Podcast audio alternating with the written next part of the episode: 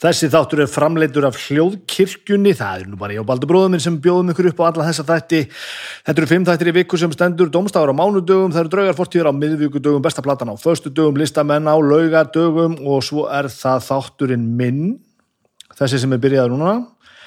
Hann snýst um það að ég tali við fólk og ég heiti Snæbjörn og ég tala við þetta fólk og þess vegna er þetta þátturinn Snæbjörn talar við fólk.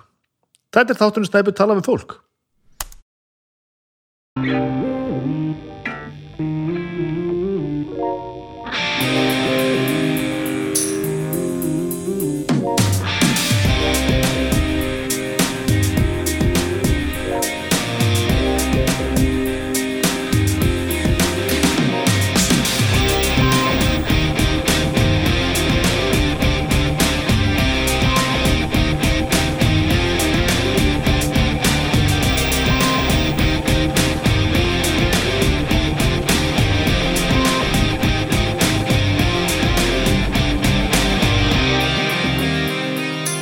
Velkomin í þáttum minn Snæbjörn talar við fólk. Já, ég fóruð ekki að kjósa.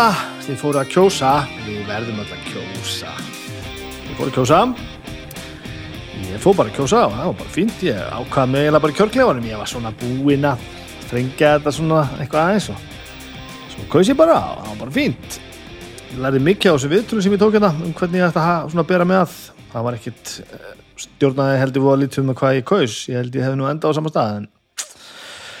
stóru fréttir þar eru kannski þar að ég kaus. Ég fór ekki að skila í auðu þessu ég hef alltaf gert. Ég hef svona slakað einhvern veginn pínu á gangvast þessu og bara já, ég ætla ekki að ofugsa þetta mikið. Bara kynna mér þetta svona og ég bara gefum þessu séns.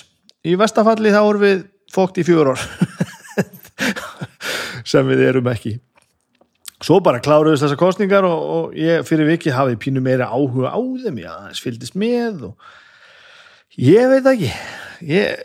Vonbreiði voru kannski að ég skildi ekki hafa ykkur afgerandi ég hafði enga afgerandi skoðun þetta búið bara, ah, ok, ok þetta er bara svona, þessi, bara, þessi flokku fekk svona þessi svona, já.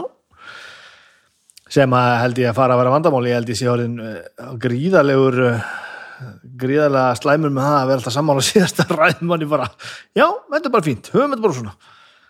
En satt best að segja þá held ég að það sé nú allt á leiðin í rétta átt við erum í ágætt þessu höndum og þegar þetta talaði er náttúrulega ekki búið að tala neitt um neina, neina stjórnarmyndanir eða neitt, við, við erum mitt í storminum að reyna að redda einhverjum anskotas endurtalningum og eitthvað yeah. er þetta ekki svolítið svona you had one job og þetta er pínu, þetta er pínu svona þetta er jobb sem á hlýtur að þurfa að, að trýta með svolítið virðingu sko. þetta er eiginlega, þetta, þetta kemur niður á, á, á á líðræðið og okkar hlut tekningu í samfélaginu okkar einstaklingarna hvers og eins. Vil ég gjur svo vel að gera þetta almennilega. Ég er ekki, ekki sérfræðingur, ég er ekki með einhver smátri ég veit ekki hvað fór úrskeiðis en come on come on.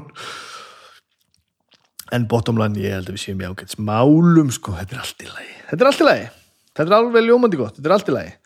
Þetta er hérna, það eru búin að þrjár umfyrir í ameríska fókbaltanum og ég er ekki ennþá búin að tala um, um, um Las Vegas Raiders sem er nú liðið mitt í ameríska fókbaltanum, NFL uh, undur og stórmerki í fyrsta skipti 19 ár hafa Raiders farið á stað og unnið fyrstu þrjá leikinar með þrjá og, og núl það eru, þetta eru búin að vera rússibana leikir, tveir fattur í framleggingu og allt í, allt í rosa, en hei þrýr og núl hæ Þetta, þetta er bara, við erum í lið, við erum bara að gera allt saman rétt. Og ógeðslega gaman að vera hérna eitthvað allt og lengi framættir sunnundaskvöldum að horfa hérna, ég kem yfirlt í, í, í ég tek viðtölun á mándum, kem alveg gapandi sifjar og út úr peppaður eða súr eftir leikin, það er lígi sko, ég er ekki svo illa haldin af íþrótta uh, íþrótta síki að ég láti leik, úslitt leika stjórna eitthvað með liður, en hei, þetta er gaman Þetta er dröldu gaman, þið heyrðu það, ég læt bara vist stjórnaði hvernig mér liður, ég er ægilega upp peppaður hérna og, og skemmtilegur, ég er ægilega skemmtilegur, ég er ægilega skemmtilegur, samstagsaðalegnar eru sem fyrir núna eru Simin Pay og Sjóvá, af eh, Simin Pay ætla ég að segja ykkur það að þið geti núna eh, þessa vikuna farið inn á Simin Pay appið. Og allir rétti frá Pronto Pasta er á þúsund kall og það er engangu eða þú pantar og borgar gegnum SímiPay appið, ég held ég sé að vera rétt með að þessi tilbúið eru frá mánudegi um, mánud, frá mánudegi til mánudags. Sunnudegi til mánudags, mánudegi til sunnudags. Mánudegi til sunnudags, alltaf ekki þannig. Ef ekki þá byrja að afsaka. En ef þið finnið ekki nákvæmlega hérna pronto pasta eh, tilbúið á þúsundkall þá finnið þið sjálfsagt eitthvað annað á að þetta er það sem að það sem er að trenda núna síman, hjá símanum Pay. Og þið munið það, þið verið að sækja appið og panta þær í gegn og borga þær í gegn og þá fáið þetta þúsund krónur. Og það getur hver sem er náðið þetta app bursið frá öðrum viðskiptum. Sjóa er hérna líka. Eh, ég hugsaði svo eh, fallega til til, til sjóvá um helgina, ég var í alls konar brasi ég var að eh, eitt batt fór þangað og annað hingað og það þurfti eitthvað að fara með á milli bíla og lána bíla því þetta er helvítis bílstólamál og anskotast djöfusisvesin alltaf. Besta sem að ég hef gert í, í, í uh, geðsræringu var að fara alveg blindandi og kaupa tvo mjög dýra barnabílstóla þegar ég voru alveg brjálar því að taka bílstóla úr bílum og setja á í aðra bíla því að það er ekkit eðla leðilegt en ef maður kaupir almennileg stöf þá er, uh, eru minni líkur um að missi fingur þegar maður stendur í þessum í þessum aðgerum og ég gerði það, ég fór, í, fór inn á og það komum við af samstagsadalunum sjóvá, ég fór hérna inn á mitt mína síður á, á sjóvá. Inn í flipa sem heitir tilbúð og fríðindi, hér eru alls konar vildar kjöribóði, vega aðstóð og varahlutir og tilbúð á dekkjum og, og svo gæti ég farið hérna á, á fleirin eitt stað. Ég valdi að fara í vestlunum sem heitir Nine Kids og þar fekk ég semst að eh, 20% afslátt af barnabílstólum og ég notaði þetta kefti tvo mjög dýra stóla setti á beint í bílinn alveg, alveg frávit á bræði og, og, og klemdum fingrum og hef ekki litið um öll síðan þeir eru búið að hafa búið að guppa aðeins það og það er búið að taka út hann aðeins og þrýfa og það er lítið mál og þeir eru búin að fara með bíla í ömmubíla og frendabíla og frengubíla og alls konar bíla og þetta er ekki djöfulegt. Það er hægt að fá far heim á hljómsutræfingu vegna þess að það tekur ekki 20 mínútur að taka stólinn úr og 45 mínútur að sitja ný þetta, er, þetta eru örfáhandtök og allir glæðir þannig að munið eftir því að þegar þið kaupið ykkur og bara gerið það, kaupið almenna bílstóla bæði fyrir börningar og líka fyrir ykkur sjálf því að þetta bara annað getur úr ykkur geðhilsuna þannig að á mínum síðan, síðum á sjóvá fáið þið afslátt, afslátt á bílstólum. Sjóvá og Simin Pay eru að sjá til þess að þið getur hlusta á þetta alls saman fritt og við þökkum þeim kjallaði fyrir það bæði þeim og öðrum sem stýðja við aðra þætti. er hljóðkirkjunar Já, já, já, hljóðkirkjan. Já, við hérna, við vann, vannmátum eitt hljóðkirkjan maður. Við hérna vorum búin að vera með hugmynd í svolítið langa tíma, það var kannski gaman að sumir þættirnir hjá hljóðkirkjunum myndur rata upp á svið, þetta gerir þetta live. Og við bókuðum eftir að hafa skoðað þetta ágætlega bókuðum þann ágættast að hurra undir fyrsta viðburð sviðs viðburð hljóðkirkjunar hljóðkirkjan og áhorvendur áhorvendur eh, bókuðum um, hurra þann 7. oktober 15. 7. oktober settum þetta í sölu og bara letum á okkur vita og það eiginlega seldist upp alveg nákvæmlega strax akkur, þetta var eiginlega bara uppselt, uppselt um helgina akkur þegar þetta er tala, eru einhverju örfáði meðar komnir í sölu, við náðum að að svona fara að skoða þetta uh, hvernig við myndum raða þessu niður og koma kannski örlítið fleirum fyrir, fleirum fyrir og, og, fólkið húra að búið og búið til þess að Eh, græja þetta sem best. Við viljum ekki tróða þannig að, að fólk þurfi að eh, fólki þurfi að láta sér líði illa. Við heldum, heldum við um náða að koma sæna þetta svona sæmilega og við náðum að setja örfá að miða í sölu viðbót. Mig grunar það nú að þegar þið hlustuðu þetta á fymtu degi fyrsta lagi aðforðan fymtudags þá verði þessi miða nú ekki til lengur. Þannig að um, og ég, var stömmum við getum eitthvað selt inn við hurðina sko. En þið kannski þurfum að fylgjast með um, miðlum okkar hljóðkirkjuna til þess að vera alveg handviss um það. En þegar þessi þáttu kemur í loftið er vika í viðbörðin þannig að þetta tala er sko, meirinn vika í viðbörð þannig að það er náttúrulega geðvika mótökur bara takk fyrir þetta kella. Og við, hérna já, drauga fortíð er alltaf byrja á þessu og Flósi ætlar að tala um vilda vestrið sem verður mjög, mjög, mjög skemmtilegt þetta er 7. oktober, 50 dagur Förstu daginn, 8. og lögða 9. dagur sem lótu halvvið þetta græna hattinum þannig að við þurfum að sofa úr okkur hérna hratt og örglagi á baldur og dröllögur í, í bílinu eða flugið eða hvað við gerum og, og hunskast til akkurar og taka taka vaktina þar, tvo daga á hattinum það er ekkert skemmtilegra heldur en það. Þannig að ef það eru ennþá til miðar og þið hafið ekkert þarfar að gera þá skulið vinsalegast koma og hitta okkur okkur enn hattinum, það er svo hryllilega gaman.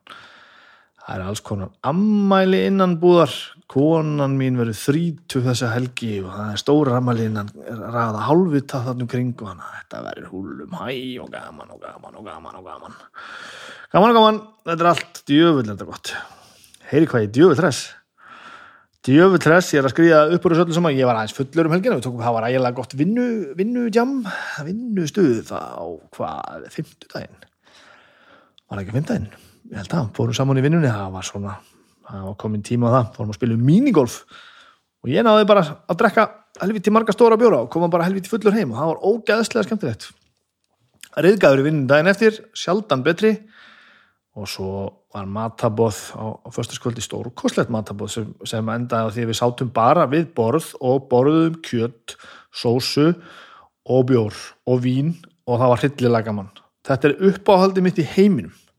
Það er að, að sitja með besta fólki í heiminum og gera ekki neitt. Þegar að stemningin er nógu góð til þess að það þarf ekki að gera neitt þá veistu að þetta er eins og þetta á að vera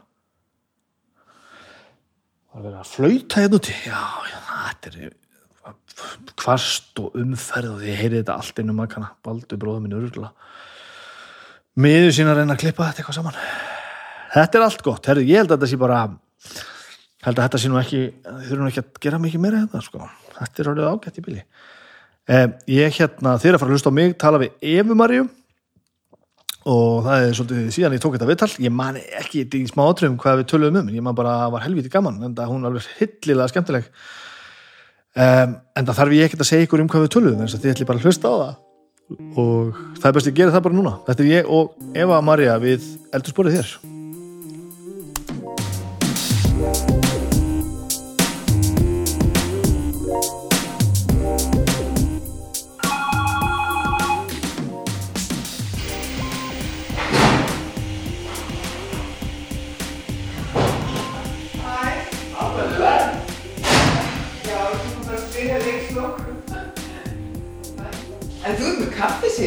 kaffi komið tíma að setja sópan. Það var það, ég er ekki reyna að byrja ekki fyrir sko. En hvernig vaknar það? Ég vakna svona sjö. Ég er ekkert rosalegu kaffibrjálæðingur sko. Þrýr og halvu tími. Sa, Sagðum bara eins og það Það er mjög bara- tími. Ég hérna sko, ef að kaffið er mér sko þá get ég alveg bara, verið bara takkanum endalust sko en þessu vinnunni einhverju snilling það því huga við vinnum á efrið þeim og kaffivillinni niðri það er nóg fyrir mig sko Já, já, það er þarftur laus. Já, ég fyrir bara mótnan að fæ mér, þá fæ ég mér bara fullt af kaffi Já. þá bara stilli ég allt í botn, Já. bara eins mikið og eins stert og ég get sko það er búið eitthvað tíma svona bara svo, lep ég það bara á tveimu tímum Og kallt líka. Já, þú veist, kall, gott, kallt kaffi er gott sko Já, mér finnst aðdána verið sagan af manninu sem var svo nýtin og var ekki með neina sóun að hann lagaði sér alltaf bara fulla könnu á mótnana, Já. setti svo glærflöskur og setti inn í Gler. og, og notaði bara þetta kaffi allan daginn og, drak, og vandi sér bara að drekka það kallt af miklu hagstaðara. En Mér finnst þetta gott sko Já, ég meina þannig að það er til. Ég lærði þetta þegar við vorum að túra, skálmönd var að túra að bílstjórun okkar var leiður að halda kaff, kaffinu alltaf, alltaf hérna, heitu sko, þannig að hann passaði bara að vera gott drakka svo bara heitt, volt og svo bara kólnaði alveg og hann bara skýt saman. Bara, hm, Gott kaffi er alveg gott þó að sé hlandvolt það er bara málið sko. Og en, jafnvel bara kallt. en ef þetta er, ef er vond þá verður það ógeðslegt sko. Já. en svo bara stundum ég að bara drekki ekkert kaffi sko eftir hátegi sko. Eftir, eftir þetta spjall um kaffi, má ég fá mig kannski smá? Við múum tvoði kaffi, já, og við erum eiginlega bara byrjuð. Ég er setti bara, hér er allt komið í gang. Þannig að þú mátt draga hann hlöðuna mest nálættir og þórir Ok. En sko Ég til dæmis sko Hell ekkert alltaf upp á um helgar sko. Nei, og enginn þá á heimilinu. Nei, Nei. Agnes drekkur ekki kaffi. Nei, Bönni mín eru fjór og sex ára Þannig að þau drekka ekki kaffi. Nei, Og ég bara Ég ger þetta meira svona Ef ég er einn og bara svona að, sittast niður hérna og lesa einhverja bók og þá er það svona næs að hafa kaffi sko, eitthvað svona ég þú veist, sprauta sig það bara, er ekki hérna. Nei, ég hérna er komin niður í tvo bolla sem sagt fyrri sopan og setni sopan já, það er mjög fínt. Yfir daginn að? já, Já, ekkert eftir hótið það? ekkert þetta Já, rátti ok. og það er jafn gaman að fá báðsopana Já, þetta bara, einhvern veginn er ekki í mér sko. Þetta er meira svona þetta er meira mómentið heldur en sko, heldur en en ég líka hef voruð ég, hef ekkert þól fyrir að kaffi sé ekki gott. Nei, ég bara, þá bara sleppi því ef kaffið er bara vond en svo gæti líka döfumanni bara að þefa af kaffibönunum og kaffi hérna duftinu. Möluð, möluðum bönunum vegna þess að þessi lykt það er það sem er sko sterkast við kaffið, finnst já, mér. já, og ég veit um fullt af krökkum lítlum krökkum sem drekka ekki kaffi sem sækja ég að þefa upp úr kaffi bauknum já, ég skil það alveg. Og þú veist, og, og eins og þetta þú veist, ég mala kaffið sjálfur sko. Það hefur mikið með lyktin að gera sko. Þú veist, kaffi hvernig fyrir gang og þá finnum maður bara svona gís upp svona, bara svona þessi, þessi ferska nýmalaða kaffilykt sko.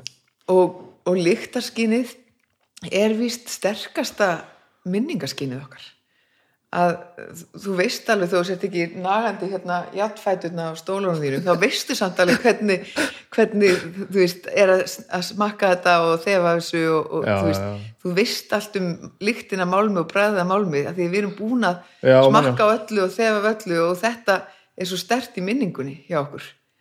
Að svo naga til- að hvað sem er sko. Og svo tilbaka, að þú veist nú tek ég minningar mikið við tónlist sko, er tónlist um minningar. Já, og svo heyri ég eitthvað lag sem ég man ekki, þú veist, hef ekki heyrt í hundra ár.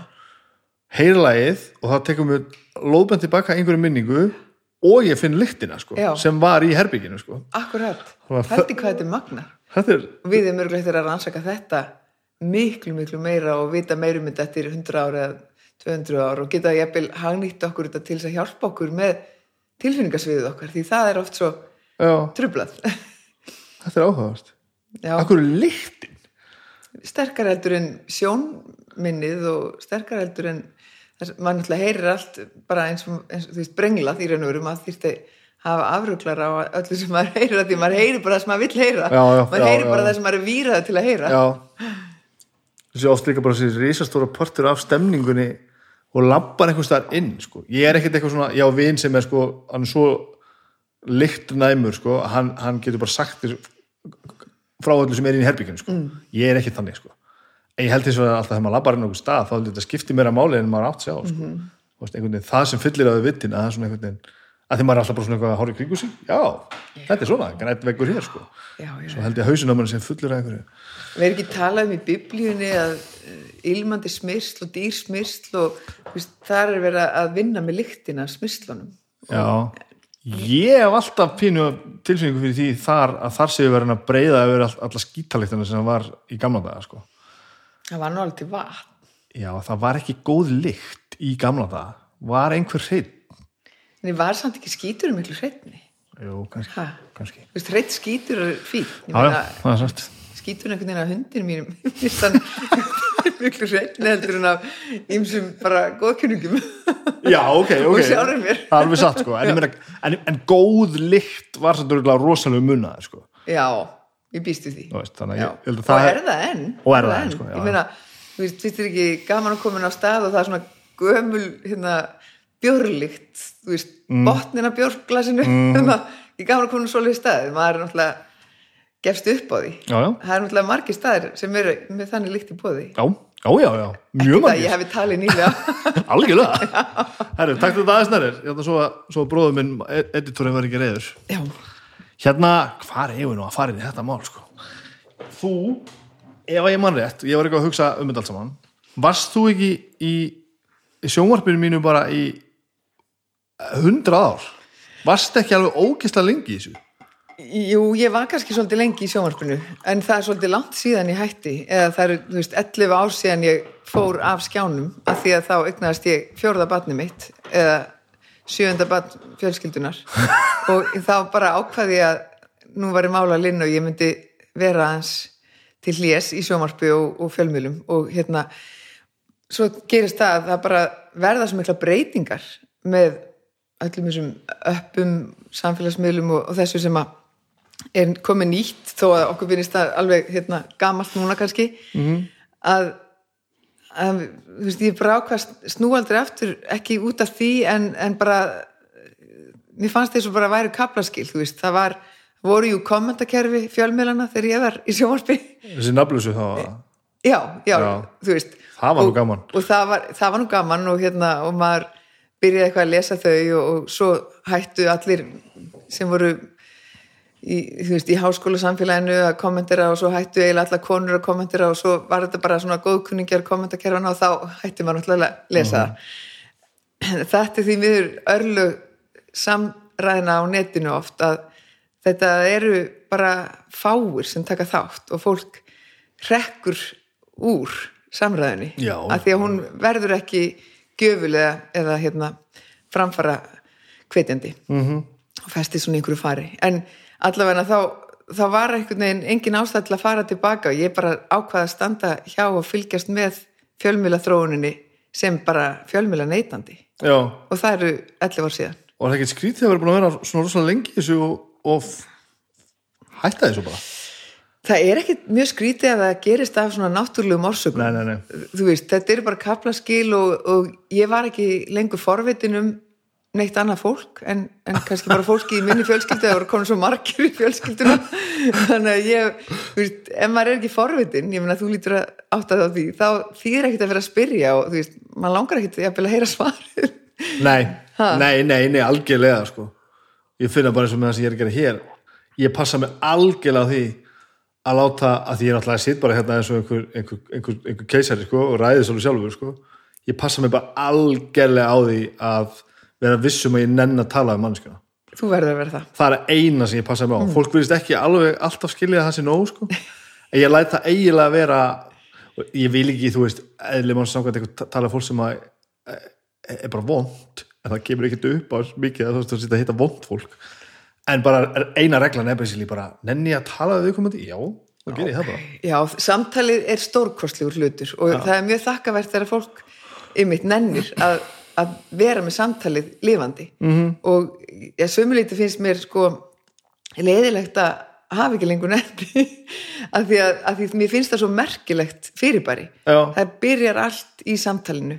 Og mér finnst ég þarf náttúrulega að taka mörg samtöl heima hjá mér en það háið mér svolítið að hafa verið spyrill mér finnst það svolítið erfitt af því að veist, þau, þau kalla þetta ekki börnum mín að ég sé að tala við þau. Kalla þetta að ég sé með þau í yfirherslu þú veist, Lóttur viðtalstækni Já, á það, börnum ég veit ekki alveg hvað gerist en, en ég er allan að mjög spurul En hvort kom samt á undan? Ég meina, þú veist, varst ekki spurul og áhugasum og fórst þess vegna þess að varst að gera?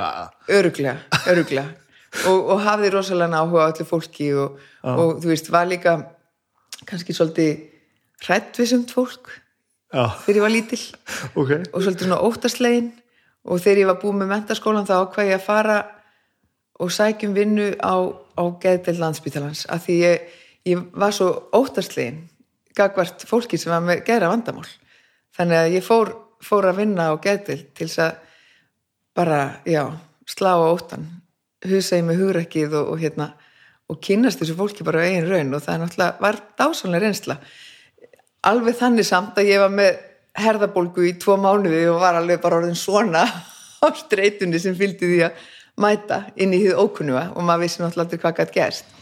En ég var auðvitað ekki sett á erfiðustu deildina. Ég var á króniskri deilda sem var mjög mikið af indislugu fólki sem bara fór yfir línuna í geðheilbriðismálunum út af einhverju. Og svo voru þetta líf þegar margir af þessu, fólk, þessu fólki var að veikjast voru kannski ekki góð eða erfitt að stilla fólk með lífum þannig að þetta fólk var sagt krónist geðveikt og fór aldrei heim af deildinni. Ég man reyndar eftir einni konu sem fór heim og svo er manneskja sem var á deildinni sem var, ég hitti bara reglulega út í bæ og er alveg indisleg og, og, og bjart yfir Hittir í dag, mennur Já, ennþá, ennþá. einmitt, já. og bara alveg eins og manneskjan var fyrir hvað mörgum árum sko mm, 30 og einu ári Já, eða 30 árum, já þetta er svona langt síðan já. En sem þýði það að þú hefur ekki, þú veist, þú er ekki trúaði að hræðsla væri nöðsileg, eða þú veist, að, að, að væri, að þú þyrftir að vera hrætt við þetta, þú, þú, þú, þú stokkið á stað og þurft að afsanna fyrir sjálfur þegar þetta væri, ég meina það voru ekki Að allir, hrædd, það voru ekki allir hrættir það voru ekki Nei. allir svona óttastlegni eins og ég. Nei, nei, sem sagði mér að það var ekki, ekki nöðsynlegt ég var ekki óttastlegin til að verja líf mitt. Ég var óttastlegin vegna þess að ég þekkt ekki kunni ekki og vissi ekki Já. og þegar ég var búin að kynast þessu betur þá fór þessi ótti og það var mikið, mikið blessun En gerða það? já, Fór hann gerði það hann gerði það Magna. það, já, að því ég þekkti fólkið og, það, og einhvern veginn líka lærðist manni að, að koma auga á bara veist, það finna í tragikinni þú veist, það, það sem er komist, það var margt komist og, og fólki hló líka. Já, já. og hérna þó það væri auðvitað áhyggjufullt líka og þannig að veist, þessi blanda var náttúrulega mjög öfgafull þetta var mjög tragísk örlu að lendin á lokari deild eða geðdeild og, og það sem eftir var og, og lítil vonum bata og, og fara heim. En, en líka var þetta hvað maður að segja fólkið er ekkit ólíkt okkur að því leiti það reynir að gera sér glæðan dag og reynir að skemmta sér og, og, Já. og, og, og hlæja og hérna, vera saman, syngja og, og spjalla og, og fara út í göngutúr og tala um hvað er í matinn og Já, einmitt, Þú vera, veist. bara vera manneskja Já. einmitt Það séu rosa auðvelt að gle- gleyma einmitt því sko já, þetta er fyrst og fremst auðvitað manneskjur eins og við Já. og, og, þú veist, og allt fólk sem að færa á sig einhvern svona stimpil þú veist, maður þarf alltaf að muna það að þetta er fyrst og fremst fólk eins og við þetta er þó að kom einhver stimpil eins og flóttamaður eða mm þú veist, þetta er þetta er mjög óþægilegt fyrir þá sem fá þess að stimpla á sig og, og hérna og við þurfum öll að hjálpa stað við að vera ekki að nota þá, af því þeir eru algjör óþarfi og hjálpa ekki neitt Stimplaði mennunum? Já. Já, algjörlega og svo segir líka flóttamenn sko það er til dæmis, að það er rosalegur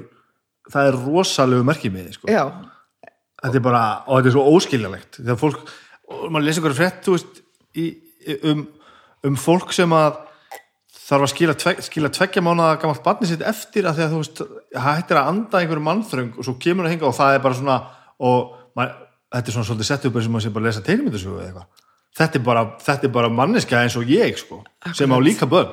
Veist, þetta er engin munur á þessu. Það er bara, engin munur á þessu. bara á, frá Afganistan og flóttamann það er bara svona, já, já. Hva, hver, hvernig skiptir þetta máli? Þú Já, veist, það skiptir öllu máli að við séum vakandi fyrir því að þetta eru bara meðbræður okkar og systur sem að hérna, ég fór hérna til Satar í flóttamannabúðina í Jórdaníu þar sem að var mjög mikið af sýrlendingum á litlu svæði. Og þegar að fólki var að segja manni hvað það hefði verið að gera á daginn það var bara nákvæmlega sama. Og ég er að gera það er daginn. fjandarsmáli, við erum alltaf að gera það sama. Það var bara að vakna til vinnu það lappaði í háskólan þess að hann vann á skrifstofu þú veist, nákvæmlega eins og ég var að gera. Það var að, með einhvern lítinn kartöflugarð og var að rækta kartöfluna fyrir utan húsið sitt þú veist, það var engin munur á það sem fólki var að aðhafast og hafði áhuga á Nei. og því sem að ég hafði áhuga á að gera í mínu lífi í örygginu hér og friðnum upp á Íslandi. Þetta var mjög mikil uppkvötun og bara, maður þarf að passa að gleyma sér ekki, aldrei og enginn. Já, ég held að við höfum líka alltaf einhverja svona eh, einhverja svona mynda fólki að að allir hafa, hafi svona öfgafulla skoðanir á einhverju. Það, við höfum ekkert öfgafulla skoðanir það verður engin öfgafulla skoðanir. Þú hittir bara fólk sem vil bara hafa að hafa bara öryggi og næs fyrir sig og sína sko, alveg saman hvað þú ert. Akkurat. Það er engin eitthvað bara svona ég get ekki talað við þig af því að eitthvað og það er alveg sama af því hvað sko, er bara, við erum öll að gera það sama sko. Já, e- einmitt þetta með hérna veðrið. Þú veist, alltaf þegar veðrið hérna á Íslandi er svona kannski grámuskulegt og, og ekki býður ekki upp á margt að manni finnst. -hmm. þá, þá hugsa ég oft já, þarna þar sem að geisa stríð er nú veðrið oft gott en, en hér er friður og þess vegna er svo frábært að vera hér. Það ríkir hérna friður á götum úti og í svona samskiptum fólks kannski minnst á netinu eða þú veist það er svona úlfúð og, alls konar sem kemur fram Já, þar já. en það, það er svona ég er bara þakklátt fyrir að veðrið sé svona glata þeirna ef þau mörgum finnst það af því að það tryggir það að það vil ekki drósa margir vera þeirna og núningsfleitinni verða færri og það er hérna það er bara friður á Íslandi í vandaverinu heldur þessi veðrinu að þakka þessi fyrir heldur það? Það er kannski eitt af þessu. Við, það var náttúrulega bara stutt, það stutt síðan það var ófríður, það var styrlungaöld hérna fyrir Já, ekki svo lungu síðan. Mm -hmm. þannig að já, það er stuttu tími á jarfræðilegan tímaskalumælt Já, já. Þar komum við líka því sem styrlingu tíman og þetta og allt þetta fyrir maður fyrir að kynna sér þetta. Hversu margir stóðu í þessu þegar upp að staði? Það, það Það, en valdamestu menni þess að sjálfsög, ég er ekki að segja að hafi ekki verið alvarlegt, en við komum samt aðeins við erum að tala um, sko, þegar maður fyrir að skoða sér einhverjum svona sögulega tíma og eitthvað svo leiðis. Venjulega fólki var samt bara að reyna að vera venjulegt. Við Já. vorum eiginlega öll að reyna bara að vakna mótnana og fara að gera það sem maður gerir, já, sko. já, já, venjulega fólki það hérna, líður yfirleitt fyrir öfgarnar Já, í kommentakerfinu eða, eða hjá valdamönnum Hvar sem það er. Það Hvað er hérna, ok það- við, ok hvernig við förum bara frá, í þetta frá byrjun bara hvað, hvaðan kemur við, hvað, hvernig gerist þetta? Ég bara fæðist hérna í Reykjavík og foreldrar mín eru mjög ung þegar eiga mig, en mér finnst þau mjög ung, þú veist, þau voru um tvítugt. Ok, og ég er elsta barn þeirra og þau eignar síðan tvö hannu börn bara næstu fimm árum. Ég er alveg upp að því að mér finnst í, í svona feikilega venjulu umhverfi, bara afar og ömmur til sikkur hliðarinnar, frænt fólk allt umkring, uh, þú veist, maður er bara út að leika mikið, uh, áföllin í æsku voru að detta bakið og fá hrubla á hrygginn og einu sinni kom drikkjumadur á gluggan og barði húsið að utan. Það er ekki já. þetta voru ekki, ekki rosalega áföll og átök. En ég var samt einhvern veginn alltaf að býða svolítið eftir bara, já, nú er ég búin að hafa heldur gott lengi, það er eitthvað að fara að gerast, það mun eitthvað að gerast. Eitthvað, veist, allir lendi í einhverju nema ég, hvernig stendur á þessu? Og hérna og svo hefur sem sagt mín upplifin verið svo að, að það sem gerðist voru bara svona kaplaskil í lífi mínu. Þannig að veist, það gerðist ekki margt og kannski skildi ég bara ekki það sem var raunverulega að gerast í kringum mig að því ég var bara ungu áhugjulegs og hafði bara ekki áhuga á að vera að kafa einhvern veginn onni hluti. En, en það sem gerðist var svo skilnaður minn og fyrirvændi einmanns míns, það var svona einn kapla skil sem var, sem var vir, virkilega mikið verkefni. Og síðan kom á síðasta ári önnur kapla skil þegar að faði minn lést. Og þá já, á ég engan pappa lengur. Og, og það fær mig til þess að hugsa hlutin alltaf mikið upp á nýtt. Þegar hann deyr að því að hann og mamma höfðu skilið tíu árum fyrr og þá voru þau bara þú veist, ungt gamalt fólk. Það var að byrja svona efri árin og og á tíu árum þá bara missir hann algjörlega heilsuna og lífsgleðina og bara vestlast upp fyrir einhvern veginn að mér finnst svolítið bara fyrir framann okkur börnin og, og enginn fekk rönd við reist. Og þetta, þetta er svona tíjar tímabil sem ég upplýnum þegar ég horfði tilbaka því það er alveg ár síðan að við kvöldum hann í jarðaför þetta er svona tímabil sem ég upplifa að hafa verið eins og eins og fyrstu tveir mánuðinni þegar ég var á, á geðdeldin að að vinna 19 ára. Þú veist það sem að maður er í rosalegri spennu í langan tíma. Mm. rosalegri spenna að því það er sem sagt, banvætt sjúkdómur sem herrir á náinn aðstandanda sem að bara sleppir ekki tökunum. Og, og maður er að reyna að finna upp allt mögulegt til þess að, hvað maður að segja sigra sjúkdómin og Já. allt er gott aftur. En, en það var aldrei gott aftur og þú veist þetta er svolítið eins og koma út úr áfalli sem að tók samt tíu ár og helmingina tíman var maður ekki meðvitaður um að maður væri inn í þessu ástandi. Að því að hann deyr hann deyr, þú veist, það er mjög flóki kannski að segja frá því á heilan hátt hvernig hann deyr en ég upplifi samt að hann hafi orðið fíkna bráð, þú veist, fíkn tekur hann yfir og hann kemst aldrei út úr henni. Og þú veist, þrátt fyrir góðan vilja og þrátt fyrir bara að fjölskyldan vildi auðvitað að hann kemist út úr því en það bara gerist ekki og svo bara dó hann. Og, og hérna og ég fekk svona mikil samvinskubitt þegar hann deyr að, að hafa ekki að hafa verið svona upptökin af þessari fík ég sem batnið hans þannig að ég er svona Samvinskupið gagvart hverju það? að hafa einhvern veginn alltaf verið að tala um þetta við hann bara, þú verður að koma tilbaka Já. og þú verður nú að, að fara bara og fá aðstóð og, og þú veist, þú getur átt svo góða tíma með okkur ef þú myndir bara vinna á þessu og, og saminskupiti mitt var að hafa ekki bara sagt heyrðu, við bara elskum þig. Já. og ekkert enn. Og þú ert okkur mikilvægur. Og þú ert okkur dýrmætur. Ekkert ef þú myndir nú bara skilur og þannig að mér finnst þetta að vera svona rosa stór lærdómur. Mm -hmm. að átt að segja á því að fólk hérna er í lífumanns og það fer. Og svo er hérna maður búin að spila út fínum spilum. Og tilfinningin er að maður hefði getað spilað það hans betur. Átt hann ekki í fíkni vand, vandamálum það? Nei, eða hvað get ég sagt, hann fungeraði fullkomlega sem Já.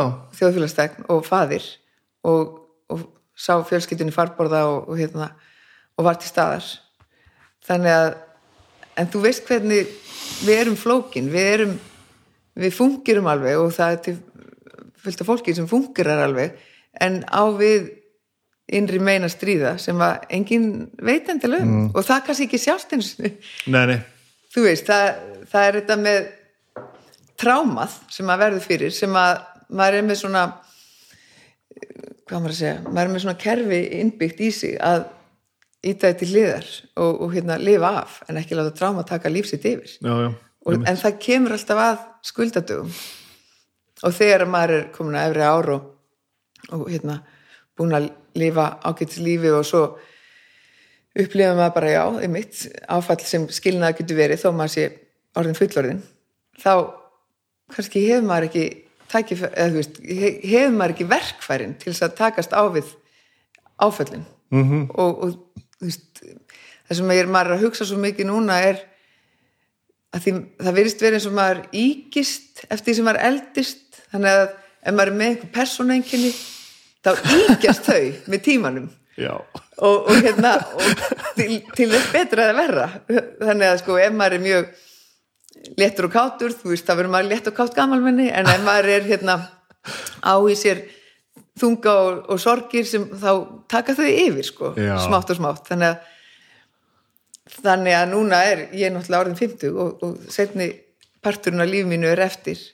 Og þá er ég svo upptíkin að því að, að spá í bara, já engin vill leggja rækt við sínar um, íktu myndir af þunga og sorgum og, og hérna og hvað maður að segja, ef maður er á það til að vera hvass og leiðilegur veist, það vil engin vera það þannig gamalmenni, grömpi gamalmenni hvast og leiðilegt. En við höfum öll séð báðar tegundir af eldra fólki fólki sem að er blómstrandi í ellinni og svo fólki sem er með allt á hotnum sér og dregst allar fram úr rúminu og, og finnur að öllu og, og þetta Ég held að þetta sé satt sem þú ert að segja, sko, þetta svona, þetta takir bara svona, takir svolítið svona bara af stað, sko. Við vorum, að ræða þetta bekkjamóti fyrir einhverjum árum síðan. Horfir á, þú veist, krakkana sem þú varst með þegar, þegar við vorum öll börn í skóla alla dag og þú þekkir þetta fólk hvort sem líka betur að vera út og inn einhvern veginn, sko. Og fólk breytist ekkert, sko. Þannig að þegar þú varst sko 40 og eitthvað og horfir á, sko, gamla bekkjabróðin og bekkjasistuðinar þú sér bara svona erkitýpu af barninu sem að, að viðkomandi var sko. þessi sem var alltaf svona, svona pínu eitthvað svona þusandi eitthvað yfir einhverju er orðið bara svona þusand út einhverju svona, svona þjóðmálum og eitthvað svona og þetta er bara nákvæmlega sama sko. þessi sem var alltaf hress og skemmtilegur hann er bara, orðið bara komið maður, gerum þetta einhvern veginn og þetta breytist ekkert sko. og svo bara einhvers og verðið bara gamall og þá verður þetta bara ennþá verra já, samt, samt hérna eða betra, skilur við þú veist, maður getur hugsað líka um sig sem leir, þú veist, að við sjáum að við höfum ákveðna tendensa. Já, ég hugsa þessi leið útrúsu sko. og, hérna, og við viljum kannski ekki rækta þá endilega og viljum kannski hafa meira að segja um hvernig við mótum leirin. Og, og þá, þá, þá byrja það sem er kallað bara sjálfsvinna og hún getur bara verið mjög, mjög hérna, tekið mikið á og, og gengið illa. En, en mér er oft hugsað til hérna konunar hérna á golfvelli að því við horfum nú hérna yfir golfvellin sem að ég spila eins og með og hún sagði að 15 ár. Þá baði maðurinn minn mig alltaf um að koma með sér út á golfvöll og spila við sér nýju hólur og ég andast bara alltaf svona ok, ég kem. Og bara upplýðið eins og hann væri að þú veist, segja, ert þú til í að vaska upp? Og ég segi bara, æ, þú veist, það verður bara að vaska upp. Einhver verður að gera þetta, ég geri þetta bara. Veist, og, og hún bara fór alltaf, 15 ár, bara kláraði bara nýju hólunar bara og ekkert múður. Og hafði aldrei neitt gaman að þessu wow. svo allt í einu, eftir 15 ár þá fikk hún brjálaða gálnelli og sko gati ekki hamið sig og var alltaf, þú veist, ef að koma. Og miklu hressari maðurinn og bara drýfum okkur og, og þú veist, þannig að allt getur gerst. Og, og sumir hlutir sem gerast hægt, þeir eiga sér samt stað. Að, að góði hluti gerast hægt er sagt en svona breytingar Já. geta tekið tíma. Og ég nefni þetta dæmi bara að þetta er svo saklust en, en þú veist, þú getur verið í 15 ára að glíma við þinn eigin þunga og, og, og flækjur Mhm. og svo kemst út úr því. Algjörlega þú veist, þú getur verið í mörg ára að glíma við þína fík og svo skilar vinna þín árangri. Já, já, þú veist, þú getur verið í mörg, mörg ár að, að reyna að hætta að hlæja töfuklunarhlátri og, og, og, og svo hættir það því þú ert ekki lengur þú veist, þetta er allt saman til hvað sagði var þetta? Nei, þetta, nei, þetta er ekki saga ég, ég er að passa mig að vera ekki með einhverjar skil. persónlega sögur af því að fólk er náttúrulega viðkvæm En þetta ásamt við erum svona margt Þú, ég, ég held að þetta snúist mjög oft um það að ef þú ert ekki að gera þetta á þínum fossindu þá er ekkert gaman sko. Uh, veist, ég er nú búin að taka, taka slatta til í, í sjálfum mér núna undarfæri sko, búin að vera eitthvað sálfæðingur núna einhverja mánuði sem er ógeðslega gaman sko. og hluti sem að mér þótti leiðilegir sem að hef, hefur ekkert með þess að sjálfsvinnum beinlýnis að gera finnst mér alltaf ekki lengur leiðilegir sko. það er vegna þess að ég einhvern veginn þarf ekki að fara út á já, heldur allt í henni bara herðu, einhvern veginn pláss í haustum að mann til að hugsa bara ég getur nú bara að fara út á gólfull og þá er allt í henni komin þá þú farin að gera þetta einhvern veginn Já. og þá opnast einhvern veginn fyrir einhverja svona eitthvað allt allt annað sko nákvæmlega ég bara allt í henni, ég eldaði bara henni gerkvöldi sko. ég elda aldrei, Nei. ég er ekkert sérstaklega góður í því ég er frekar lélugur í því en mér fannst það bara ógeðslega gaman sko. Þetta er mjög fallet sem þú ert að segja vegna þess að ég hérna er núna í launalösu leifi frá vinnunni -hmm. og það er bara margt sem kemur þar til en eitt af því sem ég er að æfa mig í launalösu leifinu og fór eiginlega í það til þess að æfa mig er að gera hlutina út frá áhuga kvöt gera allt út frá gott áhuga orð, drögurlega þetta Já, en, en í staðan fyrir að gera hlutina af skildurækni, þú veist, ég, einhver þarf að gera þetta og ég skal gera þetta. og þetta er meiri sér að setja þóttaverðilega sko. Já, þú gerir það af áhuga kvöld. að ég er, ég bara, þú ert að setja eitthvað í orð sem ég hef ekki náða að setja ennþá í orð sko.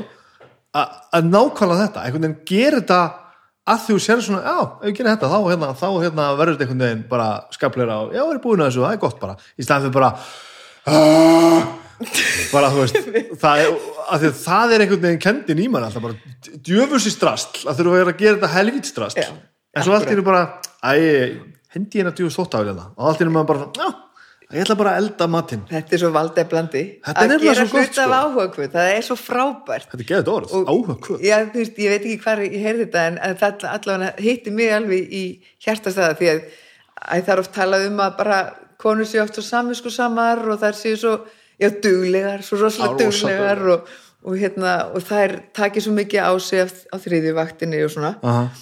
og ég hef örgulega bara verið alveg nákvæmlega eins og því er líst þannig að þegar ég er núna að gera hluti af áhuga kvöld þá eh, er ég að gera þá er ég að fara út með hundin skiluru að því ég hef áhuga á því Já, já. að mér finnst bara gott að fara út að lappa með hundin og, og ég gæti alveg beðið allar aðrum að gera það en, en ég hérna leitast við að gera það bara sjálfa því ég finn bara, ég er bara ekkert ólík hundinum ég þarf bara að viðra mig Já. líka veist, og hann er bara að viðra mig Og þetta kemur líka því að það má ekki ruggla svo saman við að nenna hlutunum af því ég nenni ekki að setja þetta vel það er ekki þannig sko. Nei, en það er meira þú veist að gera þetta að óverða sko það að nenni þetta ekki nenni þessu ekki með sko áhuga en ekki nöðsinn sko. já en þetta nenna, þegar maður nennir engu þú veist, þá finnst mér eins og maður þurfa aðeins að skoða sig. Já.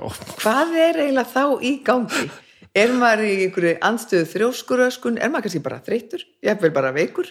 Uh, það er eitthvað í gangi og það er rosa fínt að vita hvað það er. Ekki bara Æ, ég nenni nú aldrei neinu hvort þið er. Ekki Þetta- afgreða það. sem þú ert að segja núna er basically það sem ég er að græ- græða mest á því sem að í þessari sálfræðivinnu sko. Það er að já, ég, nú veit ég hverju ég er svona ómögulegur sko. og þá er miklu auðvöldra að vera bara ómögulegur. Í stað fyrir að vera líka með saminskupið yfir ég var ómögulegur, þetta allt komið í einhvern nút sko. Já, og svo hættir maður vonandi, smátt og smátt að vera ómögulegur þegar maður skilur þetta allt saman og, og fer að gera hlutina út frá réttum stað. Já, ekki, þú veist, eins og bara en hundur eða bara en og það fórnalambi alltaf fyrir ég að gera allt á ég að fara að gera það? Indrið, þú veist, sem er búið að hérna, hálgera fyrir okkur. Algjörlega. Og þetta kemur meiri sér líka hérna fyrstur við byrja að tala um þetta, það sem ert að segja með sko, og byrjar að vinna geðbildinni að hann, hann Magnús sálfræðingurinn minn, hann er búin að kenna mér svo dásamlega vel að hérna þetta hétt náttúrulega einhvern tíman einhvern tíman sko að stíga inn í óttan eða þú veist, svona face your fears, þetta allt saman sko. En þegar er búin svona greinir það aðeins, aðeins, nú er ég fann að tala eins og sálfræðingur sem ég er alls ekki að, að þú veist, ganga inn í inn í það sem að hræðir þig með skynnsimin af opni að vita betur sko. ekki bara svona, ég ætla bara að gera þetta og ég ætla bara að komast yfir þetta. Ekki það, heldur bara svona gangin í aðstæður og bara það er fáralegt að þetta vaxi mér í augum sko, vegna þess að og horfa svona gaggrinni á það akkur er ég búin að smyrja fokking bílskursurina þú veist, og ganga svo í verkið og þetta tekur tíu sekundur af því ég gerði þetta ég frestaði í marga mánuði sko. og bara í stað fyrir bara svona og smyrja bílskursurina að fara inn og bara við hvað er ég hrættur í þetta sko En ég er búin að taka þetta í nefnilega að, að þegar maður hefur svona mikið að gera, rosalega mikið að gera, þú veist, maður er bara með fjölskyldu og maður er í vinnu og svo er maður að reyna stundu ykkur áhuga mál og svo er maður að reyna að sinna ykkur um vinnum og foreldrum sínum og eh, þú veist, þetta er rosalega mikið. Nú erum við að taka út alveg stóran, hérna, stórt mengi úr þessu öllu, það er vinnan.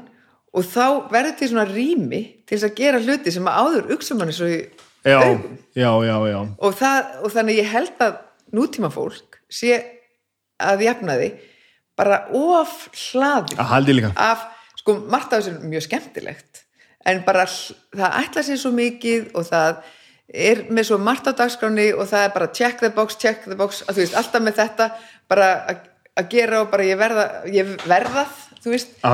í staðan fyrir að, að, að hvað maður að segja að upplifa ég hef rými til þess að ákveða hvað ég ætla að gera og nú ætla ég bara að ganga út í bílskur með smurningu Mhm. -hmm.